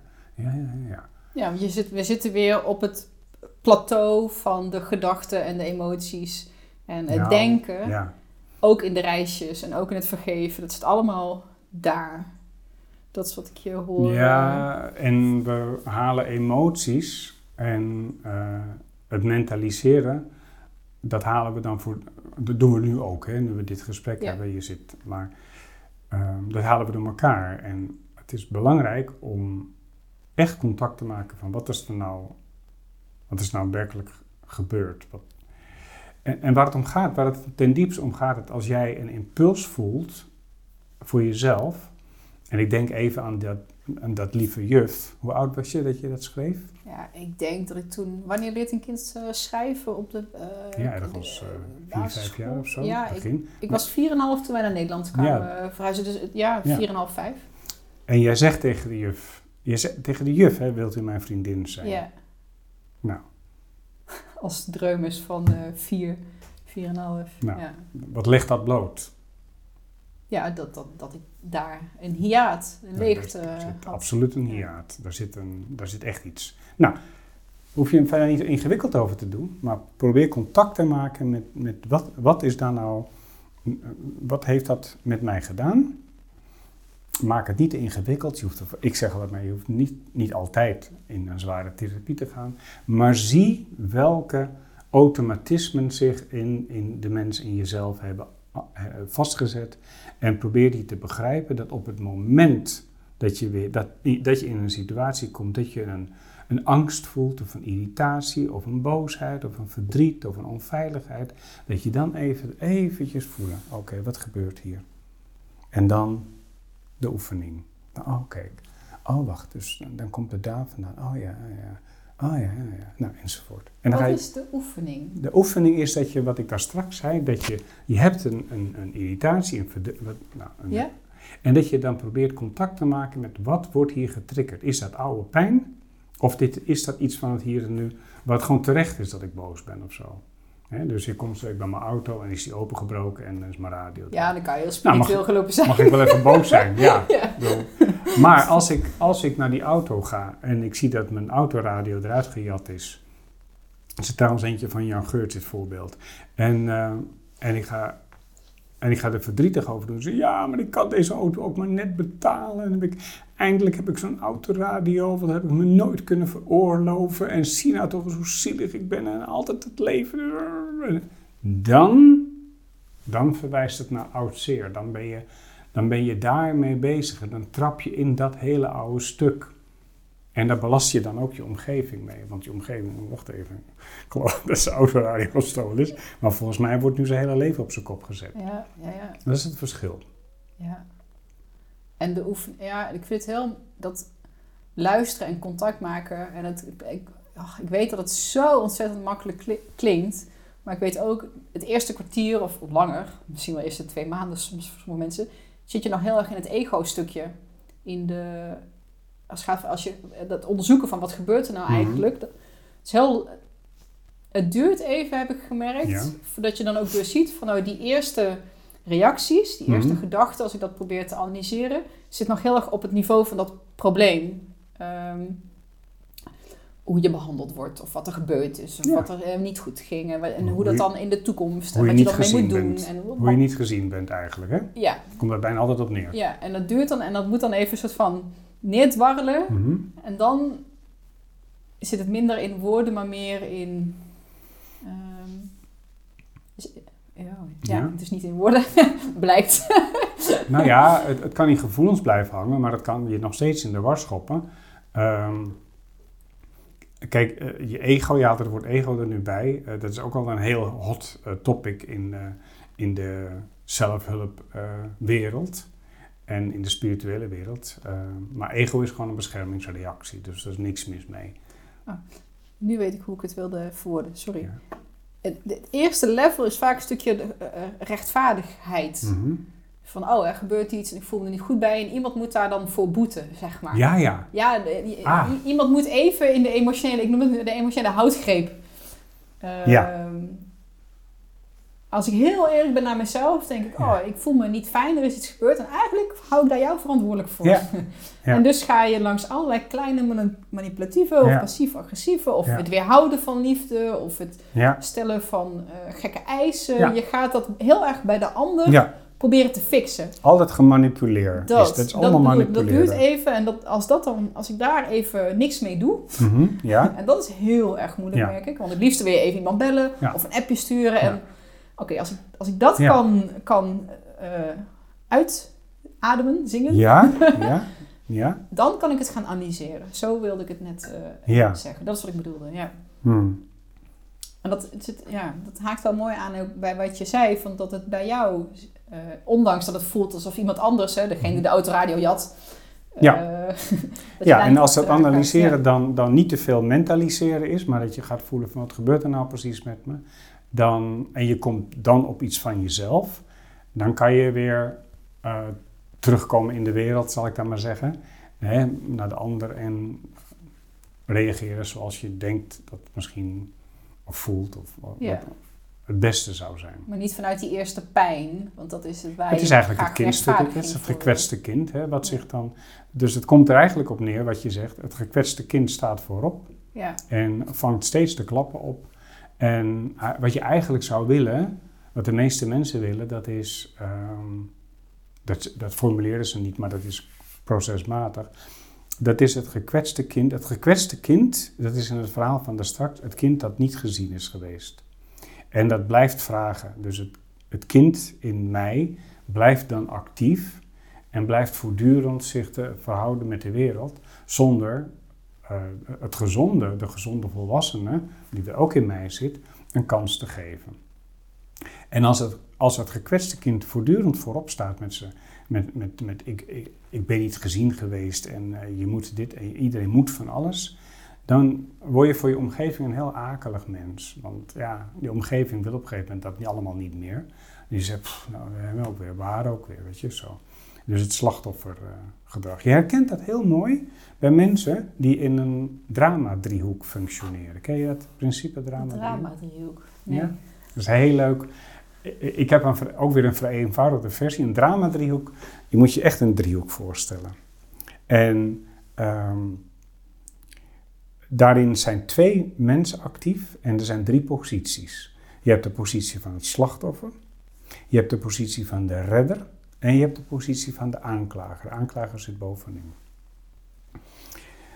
Het slachtoffer is de, de, zielige, die altijd gered moet worden, die altijd hulp nodig heeft. Van de redder, en de redder zit ook vaak in een relatie, die is ook aanwezig, en die helpt dan. Dat is dan de helpaholic. En die twee houden elkaar vast. Ze hebben elkaar nodig. En soms, dan gaat de redder die gaat naar de aanklaagpositie en die gaat klagen van wat moet ik toch veel doen. Dat heeft hij soms even nodig, uit die stoom afblazen. Maar de slachtoffer wil daar ook nog wel eens in gaan, in die aanklager. En dan maakt hij de redder nog meer tot slachtoffer van zijn redderschap. Het probleem is dat ze elkaar. De redder kan klagen over de aanklager. De aanklager kan ook nog het slachtoffer, bedoel ik, sorry. Uh, dus de redder kan klagen over het slachtoffer en andersom ook. Maar ze hebben elkaar nodig. Waarom heeft hij een redder? Dat is een hele interessante. Waarom heeft hij een redder? Het slachtoffer nodig. Hij moet namelijk voortdurend iets doen om voortdurend applaus te krijgen, om voortdurend te horen: je bent oké. Want dat is wat die redder vroeger heeft gemist. Dus hij is nog steeds tot op de dag van vandaag, en dat heb ik daar straks al verteld, is hij bezig met applaus te oogsten. En zo zie je dat twee mensen uh, altijd koppels, niet altijd, maar heel vaak koppels vormen van een slachtoffer en een redder in een relatie, ook vaak in een huwelijk, waarbij die een eigenlijk wordt opgejaagd door het slachtoffer, maar hij kan het ook niet anders, hij wil het ook. Dus hij zit vast in die driehoek, hij zit daarin gevangen. Zo'n gevangenis eigenlijk. Heel, heel stom, maar mijn eerste vraag is, nou, is het slecht? Niet altijd. Ik heb het niet over goed of slecht, hè? Ja, ja. oh ja. niets niets nee, van maar vandaag van, Is dat iets waar je uit moet zou Nee, alleen als je het zou willen. Ja. Ik zat erin vroeger. Ik was echt een redder ja. in mijn uh, relatie. Ik zie het ook wel om me heen. Ik denk, ja, maar uh, op het moment misschien dat je geen problemen hebt en, en, dat dat jouw manier is om applaus te oosten, van, van moet iedereen het hele pad op. Uh, Waarom? Om, De meeste mensen uh, doen dat niet. Ja, ik merk dat ik me steeds meer terug begin te trekken. Juist ook omdat, uh, nou, niet uit de maatschappij. Het, het klinkt heel uh, zwaar. Maar meer ik bewust word van bepaalde patronen en van mezelf en mijn eigen triggers en mijn eigen verhaal. En um, is dat het steeds moeilijker wordt, of dat ik er meer moeite mee heb om midden in een soort van druk sociaal iets te staan. Mhm. Omdat je niet ontkomt aan al die haakjes die in je geslagen worden. Dus ik ben nog een beetje aan het ja. Uh, groeien in hoe maak ik mijn schilletje even wat uh, functioneler. Ja. ja, ik snap hem. Ja, ik snap hem helemaal. Ja. Ik weet niet of daar een, een, een, een, uitkomst voor is, behalve ja, wat is er mis met gewoon wat meer op mezelf zijn en daar. Uh, ik hoef daar ook geen oordeel over te hebben. Er hoeft niks te worden opgelost. Ja. ja.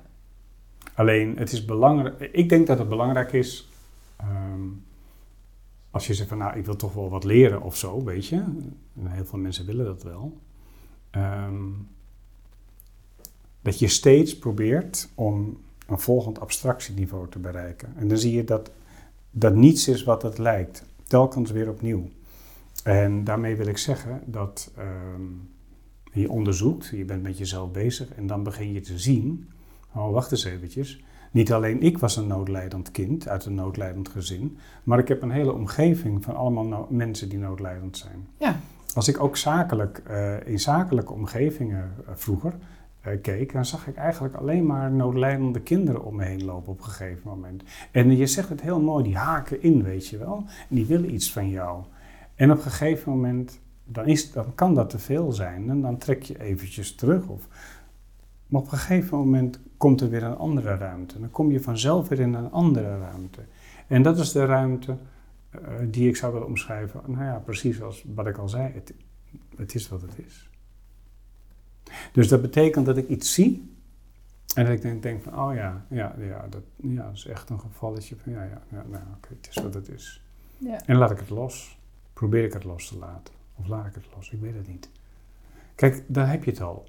Ik weet het niet of ik het wel of niet doe. Ja. En dat is eigenlijk de beste garantie. Oh, er is, er is geen garantie. Ja, misschien is het ook je, want dat had ik, dat had ik gisteren met mijn hoofd het is ook met mezelf afspreken, ik hoef er niet op te focussen. Want het is ook een bewuste. Eh, het is, ik doe het niet expres, maar het mhm. zuigt mijn aandacht. want ehm, stel dat je in een, um, conflict zit. Of er, nou, er, er gebeurt natuurlijk altijd eh, aan de lopende band eh, interacties, dingetjes. Ja. Ik hoef niks te doen om daar al mijn aandacht op te richten. Want het gaat over mij, mijn veiligheid en mijn bedrijf en mijn liefde. Dat, dat hoef ik niks voor te doen. Dat, dat gaat pssst, meteen. Oké. Ik had gisteren zoiets van ja, maar ik kan ook zeggen, joh, ik hoef daar gewoon even niet. Ik focus me liever even op iets anders. En dan, dan maar even in een soort van mantra bijna. Of in een, Mhm. om even mezelf eruit te halen. Ja, Want het, oh, het ja. gaat zonder dat ik het in de gaten Ja. heb. En denk, ja, maar het lost er niks mee op. Ja, nee, dat, dat, tuurlijk, eh, dat je met jezelf eh, bepaalde werkafspraken gewoon maakt. Bijna. Ja. Denk ik, ik kan ook gewoon op andere dingen focussen. Ja, nou ja, ik heb dat met het nieuws, eh, dat ik denk van, dat ik zoiets heb van, ik ga geen NPO kijken, want dat is, dat, dat is in kwaliteit zo achteruit gegaan.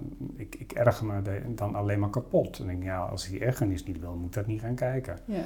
Maar ook dingen wat met kinderleed te maken heeft. Ja, ik, ik ben daar niet goed in. En dan, ik ga dus nooit een film eh, zien met een vader en een zoon issue en een kind dat verlaten wordt. Ik, en, juist te- nu ik het idee heb dat ik het allemaal overzie, merk ik, en dat zal ook wel met mijn leeftijd te maken hebben, dat ik daar kwetsbaarder in ben.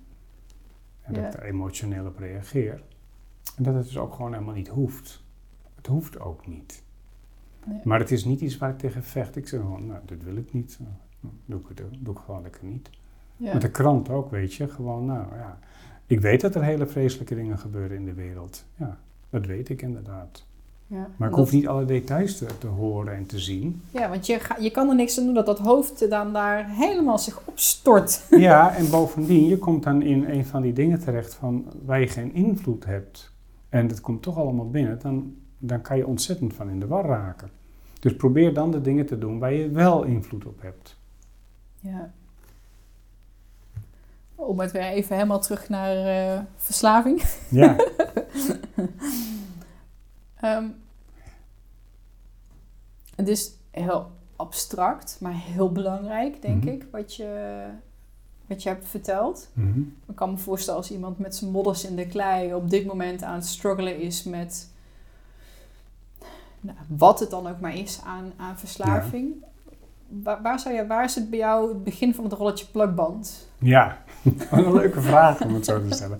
Ja, ik wilde net eigenlijk vlak voordat je, dat je deze vraag ging stellen, wilde ik je eens vragen, van heb je nou in de gaten dat we het helemaal niet meer over verslaving hebben, maar eigenlijk dus wel. Ja, Eh, want dat is, de, dat is natuurlijk het, het, het punt. Ehm, en tegelijkertijd stel jij nu deze vraag, ja, dat is een hele interessante. Dat is erg contextueel gebonden, of contextgebonden. Ehm, kijk, een jongere die heeft een hele andere situatie en die zich elk, elk weekend klem zuipt, die kan met mijn verhaal nog helemaal niks. nee. Ehm, en er zijn veel mensen die met mijn verhaal niet zo heel veel kunnen. Ehm, en ik, ik denk dat mijn visie vooral gehoord wordt bij toch wel de grootste groep van mensen met een versla- alcoholverslaving. En dat zijn eigenlijk de, de succesvolle verslaafden, de mensen die gewoon werken, eh, middelbaar, tegen middelbaar aan, op 30 plus of eh, die gewoon goed functioneren, maar eigenlijk ontdekken, ja, het gaat niet helemaal goed en het wordt toch wel steeds minder. Mensen die, ehm, en, en, eh, maar die wel de ontkenningsfase voorbij zijn. Dat zie je ook wel op televisie. Ik ga nu maar geen namen noemen, dat vind ik niet, eh, niet oké. Maar dan hoor je soms eh eh, VIP's dan praten over, over alcohol en is het van ja, nee, maar ik kan er goed tegen en ik vind het ook lekker. En nou, we kunnen rustig zes weken stoppen, niks aan de hand. En dan hoor ik zo iemand hoor ik tien jaar later en dan hoor ik een iets ander verhaal. Nou, als je uit die fase bent van ontkenning, maar je ziet wel dat het een duurzaam probleem is en je ziet ook tegelijkertijd dat je eh, diverse dingen hebt geprobeerd en, en eh, het lukt je maar niet, dan ben je rijp voor wat ik te vertellen heb. Ja. Ja. En ja, dus je kunt, ik, ik, mijn plakbandje is niet geschikt voor iedereen. ja.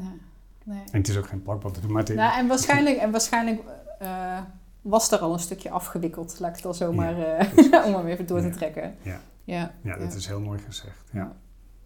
Ja. Ik denk dat ik heb daar ook echt wel meerdere eh fasen in. En bij mij is het heel praktisch begonnen. Want ik. Mm.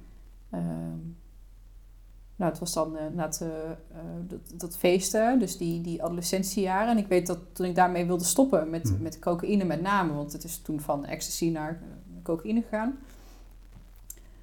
Dat ik ehm, via Kentron, heette dat toen, volgens mij heet dat nu anders. Maar dat is Mhm. ook een eh, soort Jellinek-achtige Mhm. eh, verslavingszorg.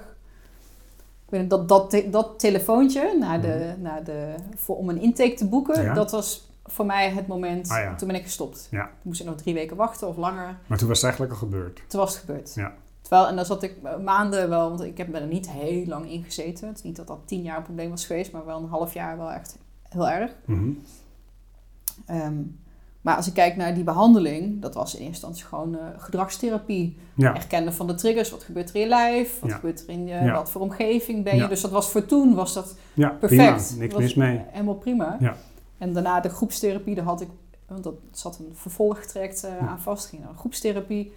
Ja, daar kon ik niet zo heel veel mee. En pas later eh, komt dan Jan op je pad en het spirituele, de persoonlijke ontwikkeling. En dacht ik, oh ja, ja, nu, Ja. nu heb ik hier wel ruimte voor. Maar toen was ik al Mhm. uit de nood, laat ik Ja, het zo maar even zeggen, van de... Als je echt nog vol in de craving zit, dat je drie keer in de week of twee keer in de week echt denkt, oh, en ik word helemaal gek als ik nu niet los ga of drink of snuif. Of, Mhm. Ja, is- dan, dit- dat- oh, dan ben je ja. er helemaal niet, niet Ja, rijp dat snap voor. ik. Nee, daar ben je niet rijp voor. Maar eh, ver- vergis je niet, hè, dat, dat je kan en in de craving zitten en al heel ver zijn in dat proces. Want wat jij net al schetst, een prachtige... eh, dat je begint als je jong bent met een stukje gedragstherapie. Dat is eigenlijk een soort van EHBO. Ja, Hè?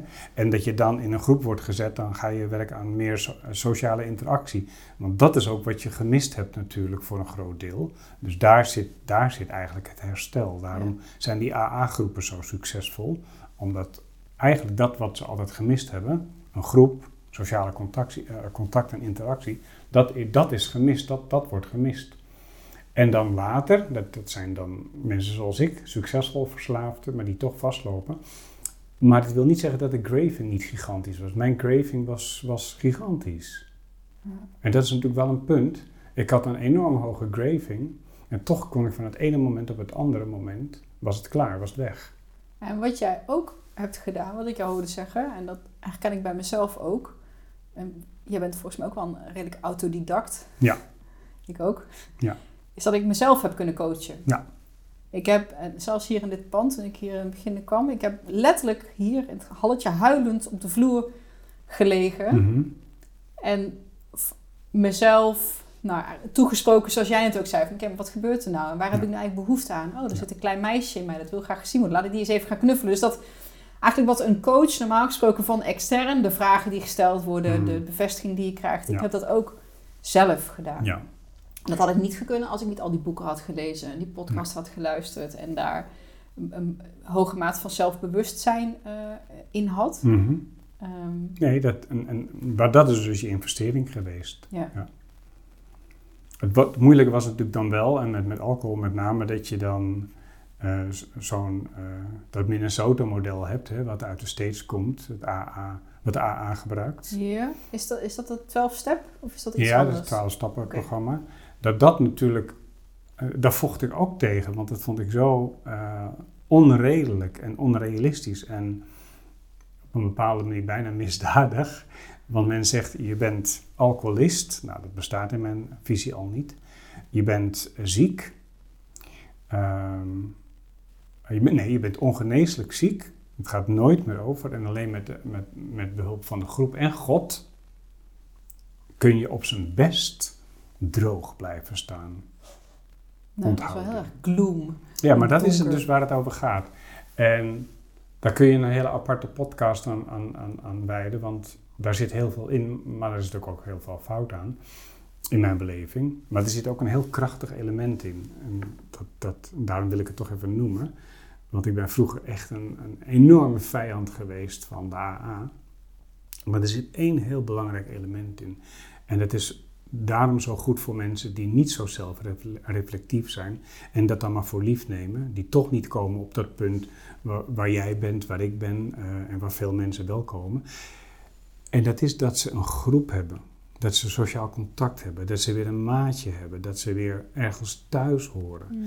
En dat is zo'n grote kracht van, van, dat, ja, zeg maar van de AA. Dus aan de ene kant, nou, ik heb er een haat-liefde verhouding mee.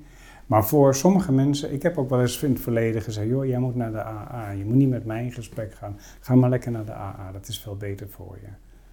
En ehm, ja, dus dat. Dus het heeft wel wat nodig om, om het te doen op de manier waarop jij het hebt gedaan en waarop ik het heb gedaan. Ja, ja, dat was ook gewoon met mezelf. Ja. Voor mij was dat denk ik ook de enige eh, manier. Ik kan nu echt heel goed op mezelf zijn. Mhm. Soms wel iets te goed, dat ik Oh, denk, ja. oh ja, nu moet ik wel echt even... Dan Ah, merk ja. ik het ook. Dan, Ja. dan ga ik me wel een beetje eenzaam voelen. Of, ja. eh, Ja. ehm, maar maar dat, dat stukje zelfredzaamheid en die Mhm. weerbaarheid. Maar ik kan me heel goed voorstellen, ja, je vraagt ook wel wat van iemand om dat te kweken op het moment hè, dat je in de puinhopen eh, Ja. ligt. Maar er zijn heel veel mensen die dat eigenlijk niet anders kunnen en die erachter zijn gekomen dat ze naar al die instellingen zijn geweest en of dat nou die particuliere bureaus zijn of het is eh, regulier. Eh, die- ja, die komen dan die zeggen, ja, ik kan er helemaal niks mee. En dan, dat zijn dan mensen die eigenlijk veel meer via die zelfreflectie en toch zelfonderzoek tot rust kunnen komen. Want het geeft een hele hoop rust. Ja. Als je die zelfreflectie hebt gedaan en je weet waar je.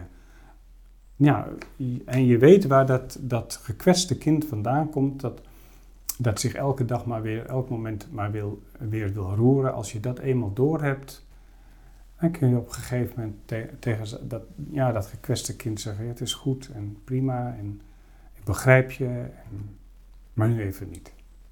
Want dat wilde ik nog vragen van, is dat, zijn er nog oefeningen of dingen die je zou kunnen doen om dat gekwet- gekwetste kind wat minder aan het woord te laten of wat gerust te stellen, om het dan zomaar even. Ik ben dat gaan visualiseren, gaan knuffelen, zo van kom maar even eh, Mhm. bij mij in mijn hoofd. Maar Mhm.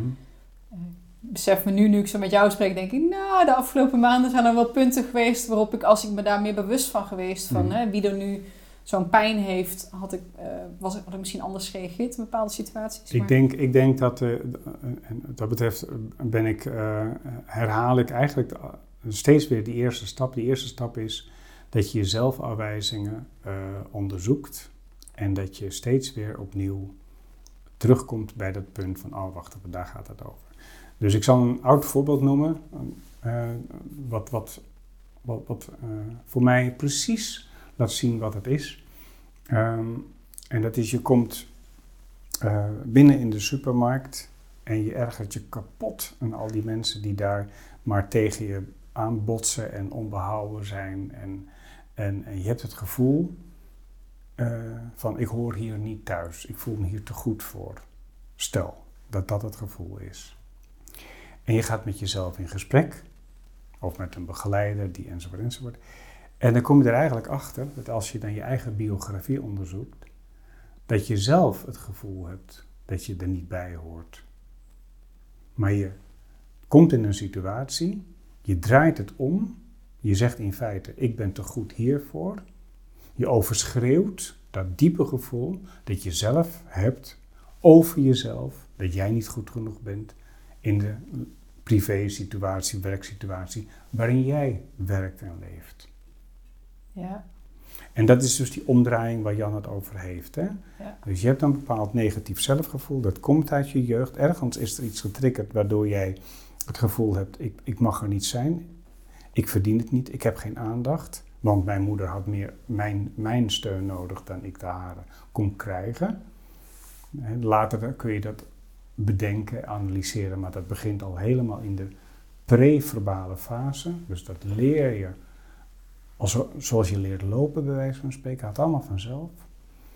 En dan leer je automatisch jezelf, nou, bijvoorbeeld klein te maken, en niet te mogen zijn, of niet goed genoeg, of wat dan ook.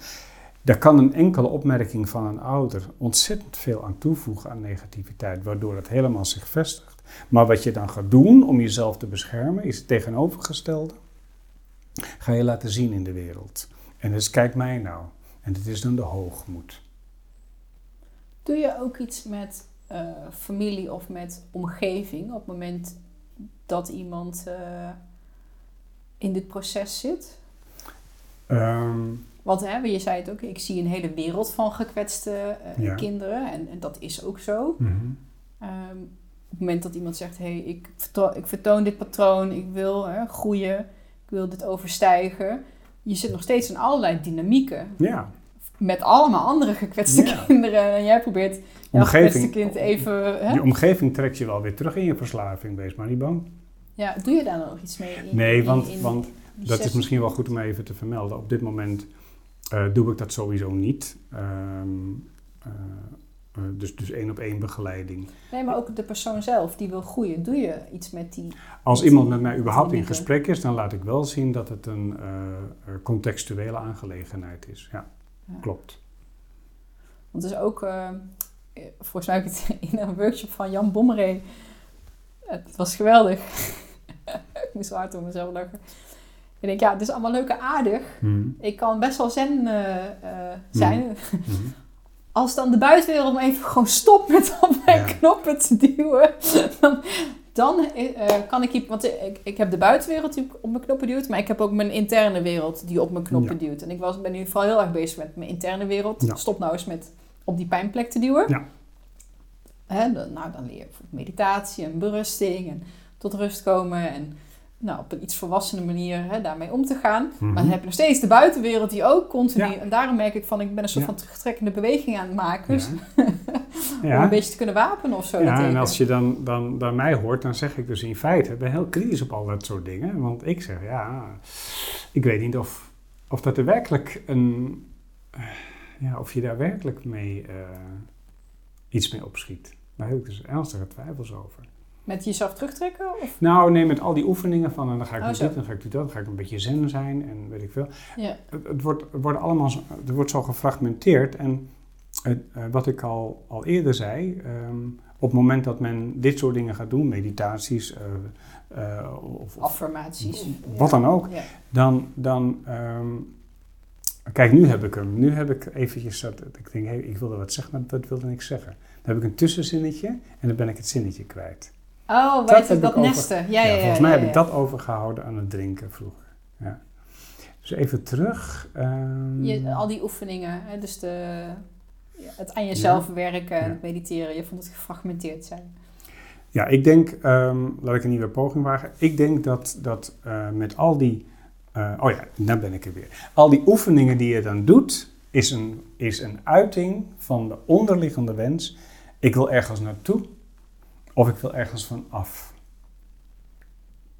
Ja, ja. En als je dat onderzoekt en daar eerlijk in bent naar jezelf, en als ik zeg je, dan bedoel ik men, en dan bedoel ik vooral de mensen die spiritueel zijn, doen. Je hoort mijn intonatie, hè? Of die een spirituele bypass proberen. Mhm. Als ik naar Krishnamurti luister, heb ik nergens meer problemen mee. Hè, zeggen ze dan bij wijze van spreken? Bij wijze van spreken. Ehm, als, je dat, als je dat doet, dan, ehm, dan ben je het eigenlijk nog steeds bezig met iets te willen bereiken. Met ergens naartoe te gaan of iets kwijt te willen. En als je dat onderzoekt, wat je, wat je kwijt wil, of waar je naartoe wil. En waar je naartoe wil, betekent in feite ook dat je iets kwijt wil. Hè? Want Ja. ik wil daar zijn, dus ik wil dit kwijt. Als je dat onderzoekt, dan kom je precies weer op hetzelfde punt uit als wat ik begon. En dat is onderzoek jezelf. En daar, nu snap ik ook het linkje waarom ik dat als voorbeeld gebruikte. Hè? Dat de angst dat eh, de, de andere vrouw meer liefde heeft. Dat is natuurlijk eh, iets waar je vanaf wil of naartoe wil. Ehm ah, nou ben ik hem zelf... eh want net was hij zo helder. oh ja, ehm, dat, ik vond daar berusting in. Zo van, nee, ik hoef daar niet naartoe. Want stel dat dat zo is, dan heb ik daar helemaal vrede mee. En als ik daar vrede mee heb, hoef ik er ook niet meer voor te vechten... Of voor weg te rennen, of bang voor te zijn, of actie voor te ondernemen, of te gaan manipuleren, of zorgen dat ik daar anders. Ik had echt heel erg vrede met de situatie. Dus ook met de mogelijkheid, nou misschien is dat wel. Mhm. Ik weet het niet. Ik zit niet in iemand anders zijn hoofd. Mhm. Dat was een soort van worst case scenario. Ja? En ik merkte dus van, oh nee, ik heb vrede ermee. Mhm. Dus ik, dat is wat je zegt. Ik wil niet ergens naartoe of ergens vanaf. Het was oké zoals het nu is. En dat was heel Ja. erg dat moment van, oh. En toen ging de knoop los. Ja. Maar ik moest het wel even onder ogen zien Ja. dat ik daar niet heen hoefde. Ja. En je moet voor jezelf eh, moeten. Het woordje moet is in het Nederlands een beetje ingewikkeld, hè, want we hebben geen mooi, mooi vervanger. Maar je zou ook kunnen kijken, in plaats van moeten, ehm, of je dat ook werkelijk wil. Hè? Of je ook werkelijk in een relatie wil zijn eh, met, een, met een partner die, eh, die meerdere partners heeft. Ja. Dat is natuurlijk ook, ook een vraag die je zelf moet toelaten, zou kunnen, zou kunnen toelaten om te stellen. Oh ja, maar dat, die wordt vaak gesteld hoor. Ja? Geen zorgen. Nou, jezelf, dat je jezelf die Ja, vraag ja, stelt. zeker. Nee, want het is één groot experiment Ah, eh, in mijn ogen. En het Hm. mooie is dat, kijk, een standaard relatie, stel je die vraag eh,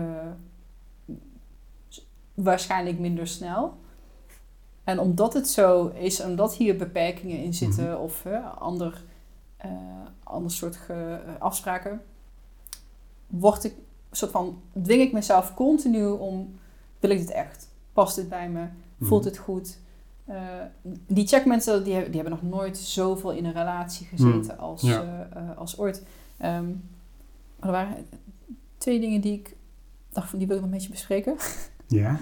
Ehm, toen ik je net hoorde praten, moest ik heel erg denken aan een gesprek wat ik eh, van de week heb gehoord met Brene Brown. Mhm. Zeg je dat wat? ja, ja, ja. Ja, de kwetsbaarheid en schaamte eh, onderzoekster. Oh. In gesprek met eh, Russell Brand. Ja. Nou, Russell Brand, ken je dat? Misschien als ik hem zie, want ik ben niet zo goed in namen. maar nou, haar- waarschijnlijk. haar als, je hem, als je ziet, weet je, half lang donker haar, een beetje excentrieke. Mhm. hij is acteur en komiek. Hij heeft Mhm. een podcast Under the, Under the Skin. En hij is verslaafd geweest aan heroïne. En hij is helemaal van 12-step abstinence. Maar ook heel spiritueel. En hij Ja, zegt, ja. ja, voor mij is dit gewoon de Ja. oplossing. En hij gaat in gesprek met Brene Brown. Het gaat over compassie. En ook over, eh, waar ik heel erg lang mee geworsteld heb, een soort van spanningsveld. Aan de ene kant eh,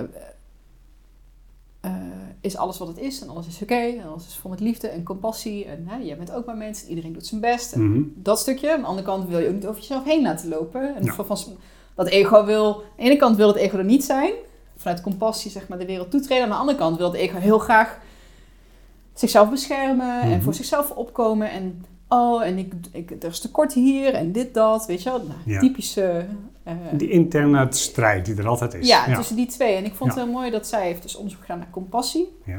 Wat ik daar heel gaaf van vond, is dat ze zei... De, de groep die ze heeft onderzocht, die het meest compassievol waren... Ja. Wat de data liet zien, dat waren de mensen die de meest duidelijke grenzen trokken. Ja. Aha, ja. En toen dacht ik, aha, ik dacht juist, hè, compassie, grenzeloos zijn. En die zegt, zei ze heel simpel, ja, zolang jij mij pijn doet, kan ik niet eh, vol compassie zijn. Dus ik moet eerst voor mezelf zorgen en zorgen dat die grenzen duidelijk zijn.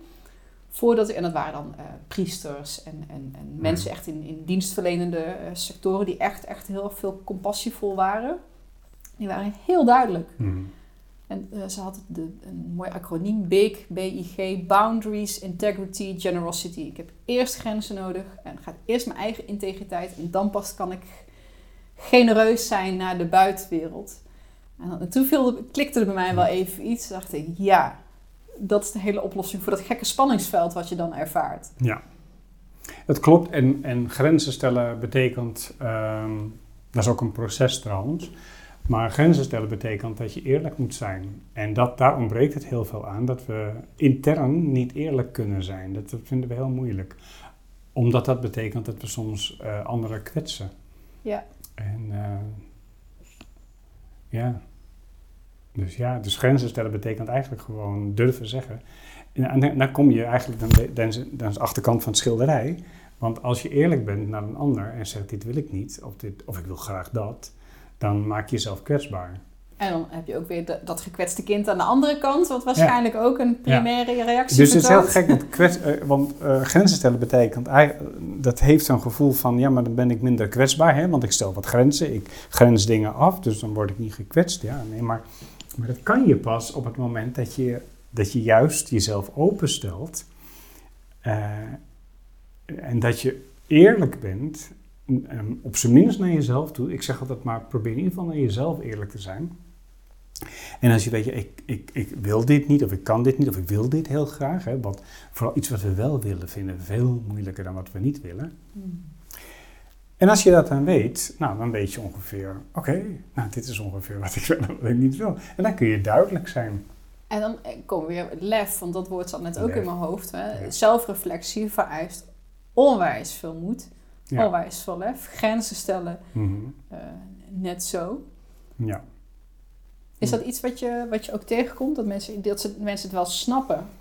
En dat je je, je boodschap wel aankomt, maar dat nou het ja, wat tegenkomt, het is voortdurend het geval. Voortdurend eh, zijn mensen in strijd met dat ze dingen wel snappen, maar het niet doen en het niet kunnen. En met, met niet doen en niet kunnen bedoel ik niet verwijtend, maar gewoon dat ze freezen, dat, dat, dat, dat ze alles begrijpen, maar ik begrijp het wel, maar ik doe het niet. Ik zie mezelf iets anders doen dan wat ik begrijp, dan wat ik wil. En ook dat is dan reactie op stress, fight, flight, freeze. Ja. Dat is één van de reacties. Ja op onrust stress. Oh, ik, cognitieve dissonantie. Ik heb bedacht dat ik dit wilde, maar ik doe dat. Oh jee, help. Ja, het, is alleen, het is alleen geen cognitieve dissonantie. Het is, het is een normale dissonantie tussen wat vanuit het reptiele brein en vanuit het zoogdierenbrein wordt geïnitieerd. Dat is de basis van ons handelen. En dan later verzinnen we daar een verhaal omheen. Maar ik kan heel erg goed bedenken waarom het verstandig is om niet te gaan drinken. Uh, of niet te gaan uh, hard rijden in de auto of niet dit of niet dat, van alles en nog wat. Maar ik heb het al gedaan in een flits voordat ik het in de gaten heb. Ja. En ik zeg bijvoorbeeld hard rijden. Ik ben niet een scheurder, maar ik, ik heb heel veel moeite met me aan de snelheden te houden. Nou ja, omdat het ook wel heel erg overdreven is. Heel veel camera's. Heel veel camera's. grote. Ja, heel veel camera's in Nederland staan. Dus het is echt een hele grote oefening voor mij om hier te komen zonder een eh, ja, ja 50 km per uur. Over sommige stukken, dan denk ik, ja, ik kan er net zo naast staan lopen. Niet dat ik idiote snelheden maak, maar als je voelt, hè, wat er kan gebeuren met, met een mens als je een, een, een stevige auto hebt en je drukt zo'n gaspedaal in, wat er, wat er voor een energie, wat er voor een oerkracht uh, vrijkomt als je dat loslaat. En dan komt daar die ratio en die zegt: uh, Hallo, hallo. Wilt u een, uh, een schikking of het voorkomen? nou, zo. Nee, dus, Gaan we nooit motorrijden dan, een vrije motor? Het is een van de redenen waarom ik, uh, waarom ik toch maar geen motor rijd. ik, ik heb wel lange motor gehad, maar nee, dat moeten we maar niet doen. Oké, ik heb ook motor gereden. Dat, dat, die pk die je dan onder je hebt en dat je dat helemaal voelt en dan in de wind, als je dat optrekken bij een uh, stoplicht bijvoorbeeld of zo. Ja, ik snap al wat je bedoelt. Dat geeft, Maar ook in een auto uiteraard. Maar het is wel een heel mooi voorbeeld waarin je voelt dat, dat, dat, dat als je dat even loslaat, dat dan al die oerkrachten... Uh, ja, en het, en het, um, het moet, moet ook denken, want we hebben maar een heel klein stukje in dit gesprek behandeld van wat eigenlijk de inzichten zijn. Het is ook zo belangrijk als je uh, zo, we hebben het over grenzen stellen, hoe, hoe, me hierin gedragen, hoe moet ik met mijn angst omgaan, hoe moet ik dit doen. Elke keer als jij zegt ik, of ik zeg ik, of iemand anders zegt ik, dan zeg ik het liefst even van, ja, over wie heb je het eigenlijk? Want wij zijn een verzameling impulsen, die, dit is Nietzsche, die allemaal strijden om de, om de macht om te worden geëffectueerd. En daarom is dat idee van dat autorijden ook zo grappig. Ehm, dus het is niet alleen maar dat jij een consistent geheel moet zijn, dat dingen moet begrijpen en dingen alleen maar moet verwerken en dan moet het zus kloppen en zo. Nee, het kan vaak ook gewoon niet kloppen. Het kan heel vaak zijn dat jij een dag hebt of een avond hebt. En dat je, zo in jouw situatie, dat je zegt, nou weet je wat, uh, blijf jij maar, uh, in, uh, maar thuis, want ik heb er nu even geen zin in. Want je bent gisteravond met, met, met A weg geweest en ik heb daar nu even geen zin in. Dat kan. Ja. Dat, is niet, dat kan. En het, de volgende dag kan dat weg zijn. Ja. En het is de kunst om daar mensen niet op af te rekenen. Om te zeggen, ja, oké, dat zit ook in jou. Oh, je was heel boos, hè? Ja, je was een beetje... Oh, je was zelfs een beetje agressief. Ja, dat was ik inderdaad. Maar ik, het zit ook in jou. Het zit in mij. Het zit in iedereen. liefdevolle vriendelijkheid uh, moet ik dan aan denken als ik dat hoor. Dan Jan Geurts. Uh... Ja, maar niet liefdevolle vriendelijkheid als een soort van deken overal overheen van uh, ik ben altijd liefdevol vriendelijk. Nee, de liefdevolle vriendelijkheid naar jezelf toe om te accepteren dat in jou alles zit. En onder de, onder de juiste omstandigheden komt het er allemaal uit. Ja. Dus wij kunnen ook dingen, wij hebben allemaal, alle mensen, hebben allemaal kanten die we misschien niet willen zien, maar, we, maar er gewoon wel zijn van nature. Ja, ja.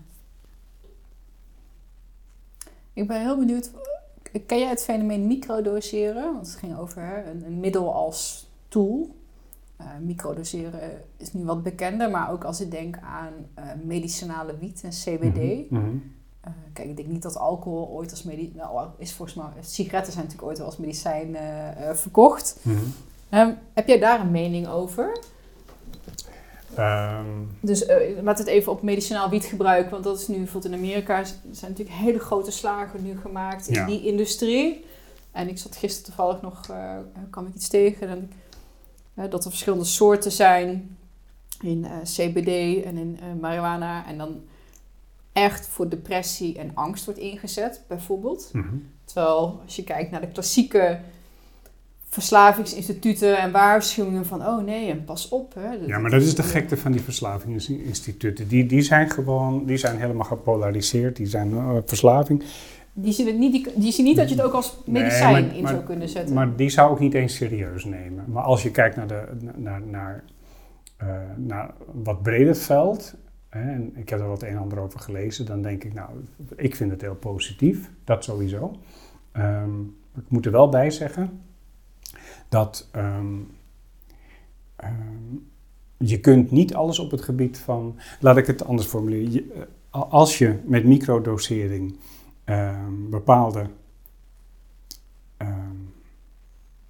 bepaalde uh, hoe noem je dat, neigingen, bijvoorbeeld om, de, om de, uh, depressief te worden bijvoorbeeld, enige mate kunt reguleren. Ik wil het vooral niet onderdrukken noemen. Maar dat je dus, zeg maar dat je het medicinaal verantwoord gebruikt. Uh, dat is natuurlijk allemaal prima. Uh, maar er is ook een andere kant in dat hele veld. En dat is de geluk, geluksindustrie. He, dat, is, ah, dat, dat zit ook een beetje in waar we het er straks over hadden. Al die mensen die dan zo nodig naar satsangs moeten en uh, ga zo maar door. Ja, de wellnessindustrie. Ja. En um, ja, de, ja, precies. En de geluksindustrie. Nou, kijk, ik denk wel dat het, dat het dus afgezien van een echte depressie, die je zou kunnen behandelen en ook misschien met microdosering, en zeker niet met die troep die de farmaceuten allemaal maken, om te zorgen dat we wel degelijk verslaafd raken, um, geloof ik ook dat het belangrijk is dat we het lijden, wat normaal is bij het leven, wat normaal bij het leven hoort, dat we dat ook wat meer kunnen uh, ook weer zien voor wat het is, maar dat we het accepteren. Of liever gezegd, ik moet niet in mijn eigen valkuilen trappen, hè? het woord accepteren. Hè? Maar dat gewoon zeggen, ja, dat, is ook, dat, dat hoort ook gewoon bij het leven. Ja. Als, als ik een kind zou verliezen, dan is het evident dat ik daar ernstig van ontregeld raak en in een diepe rouw. En misschien ook wel in een depressie terechtkom. Maar um, het hoort er dus gewoon bij dat, dat, we, ja, dat, dat leven ook lijden is. Ja, ja. Niet alleen maar lijden. Zoals de Boeddha eigenlijk zegt, hè, je moet voortdurend proberen om uit dat wiel, mm. uh, hè, leven is lijden, en je moet proberen om uit dat wiel uh, uh, te komen dat dat lijden veroorzaakt. En zo zie ik het nou ook weer niet. Maar het is wel zo dat dat, dat enorme streven naar geluk, die happiness machine die wij allemaal geworden zijn, dat dat natuurlijk helemaal niet, uh, ja. niet werkt. Ja, de reden dat ik er naar vraag is dat ik voor mezelf uh, merk, ik heb natuurlijk, je zei het heel mooi, ik ben het product van mijn vader en mijn moeder, het gene pakketje. Nou, ik zei net al, mijn vader heeft daar best wel wat uh, mm -hmm. Depressieve aard, zeg ja. maar, in mij gegoten. Mm -hmm. Ik merk dat, nou, mijn moeder het, het impulsieve en een beetje het, mm -hmm. nou, haar oh, nou, hoe zij gestructureerd is, zeg maar. Of haar, ik weet niet het woord, maakt niet zoveel uit. Dat bepaalde soorten uh, CBD bijvoorbeeld, ja. dat ik in één keer dacht van ja, ik snap wel waarom dit als medicijn, om, omdat ik bijna te snel, en ik kan heel spiritueel, maar gekwetste kinderen, dat, maar ik heb ook gewoon een gestel. Ik ben Mhm. ook op een bepaalde manier gebouwd en geprogrammeerd. Mhm, En ik heb een mhm. bepaalde chemische eh, samenstelling. En Ja. ik weet dat ik... Voeding is belangrijk, Ja. wandelen is belangrijk, mediteren is belangrijk, mijn, mijn connectie is belangrijk, dat weet ik allemaal. Maar dat, het altijd, dat ik altijd die, die eh, dispositie heb om daar snel in een bepaalde modus Ja. te schieten. En dan denk ik, nou, dit is voor het eerst dat ik denk, hé, hey, ik zou nooit aan de antidepressiva gaan, want dat Mhm. vind ik echt troep. En ik heb dat bij mijn vader ook gezien. Ja. Van, oh mijn god, nee. Ja. Maar eh, met zo'n bijvoorbeeld zo'n een bepaalde soort eh, wiet, helpt mij enorm om even gewoon...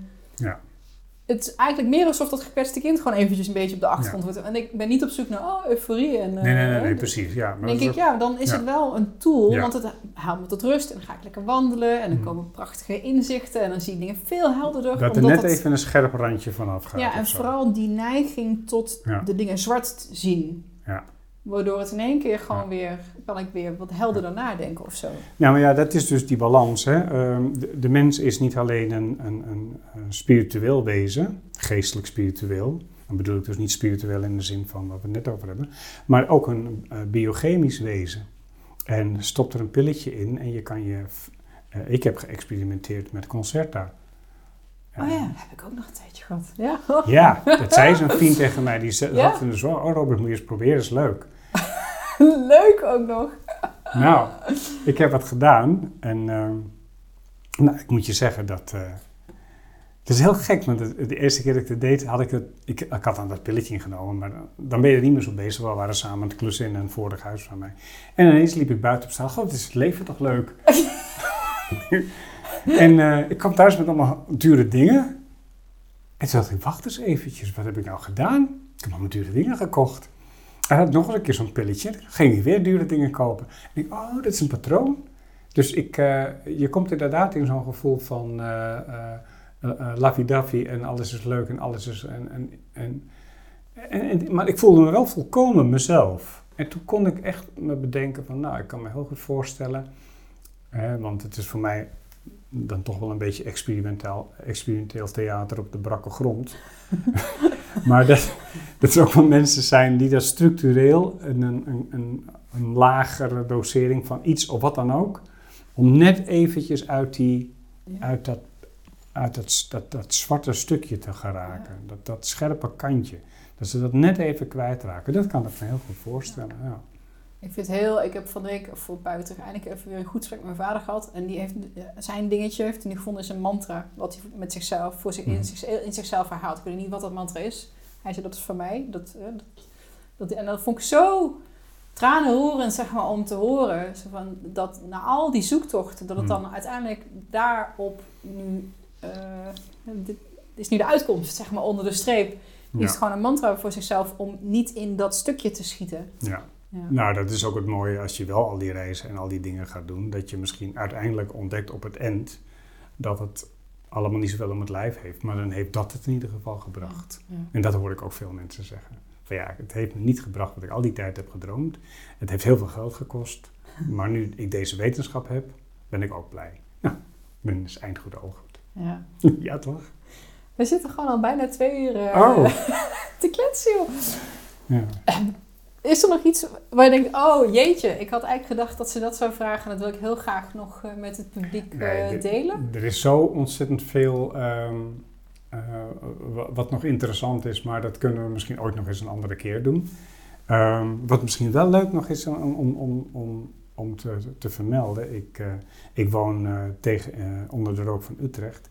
Ik ga in het najaar, dat vind ik leuk om te doen, ik ga een soort alternatieve groep oprichten. Eh, voor mensen met een alcoholprobleem, maar dan wel met een bepaald profiel, ongeveer het profiel wat ik daar straks noemde. En dat is ehm, een, soort, een soort van AA, maar dan nog een keer A. Alternatieven. De AA, de Ja. triple A. Ja, triple A. Nou ja, die ene A staat voor anoniem en anoniem gaat dat zeker niet Ah, worden. Maar ik ga wel een groep opzetten voor mensen die, eh, die succesvol verslaafd zijn. Dus die gewoon functioneren, maar wel zien, ja, zo kan ik niet door. In Utrecht, en dat ga ik dus ook gratis doen. Dat vind ik leuk. En eh, Nou, daar kunnen mensen zich voor opgeven door naar een website te gaan. En dat is wat ik me de komende tijd mee bezig wil houden. Prachtig initiatief. Ik ga Ja. zorgen dat die eh, link ook in de omschrijving komt Oké, super. bij deze podcast. Ja, mooi. Eh, jij nog Nee, dankjewel. toevoegingen? Dankjewel, dat is mijn toevoeging. Ja, en ook dankjewel voor, eh, voor je openheid in dit gesprek. Heel bijzonder. Oh, nou ja, graag gedaan. Ik kan, ik, ik kan bijna niet anders. Ik kan nog veel meer eh, kunnen willen delen, maar wie weet. Een andere keer. Oké, Dankjewel in ieder geval. jij bedankt.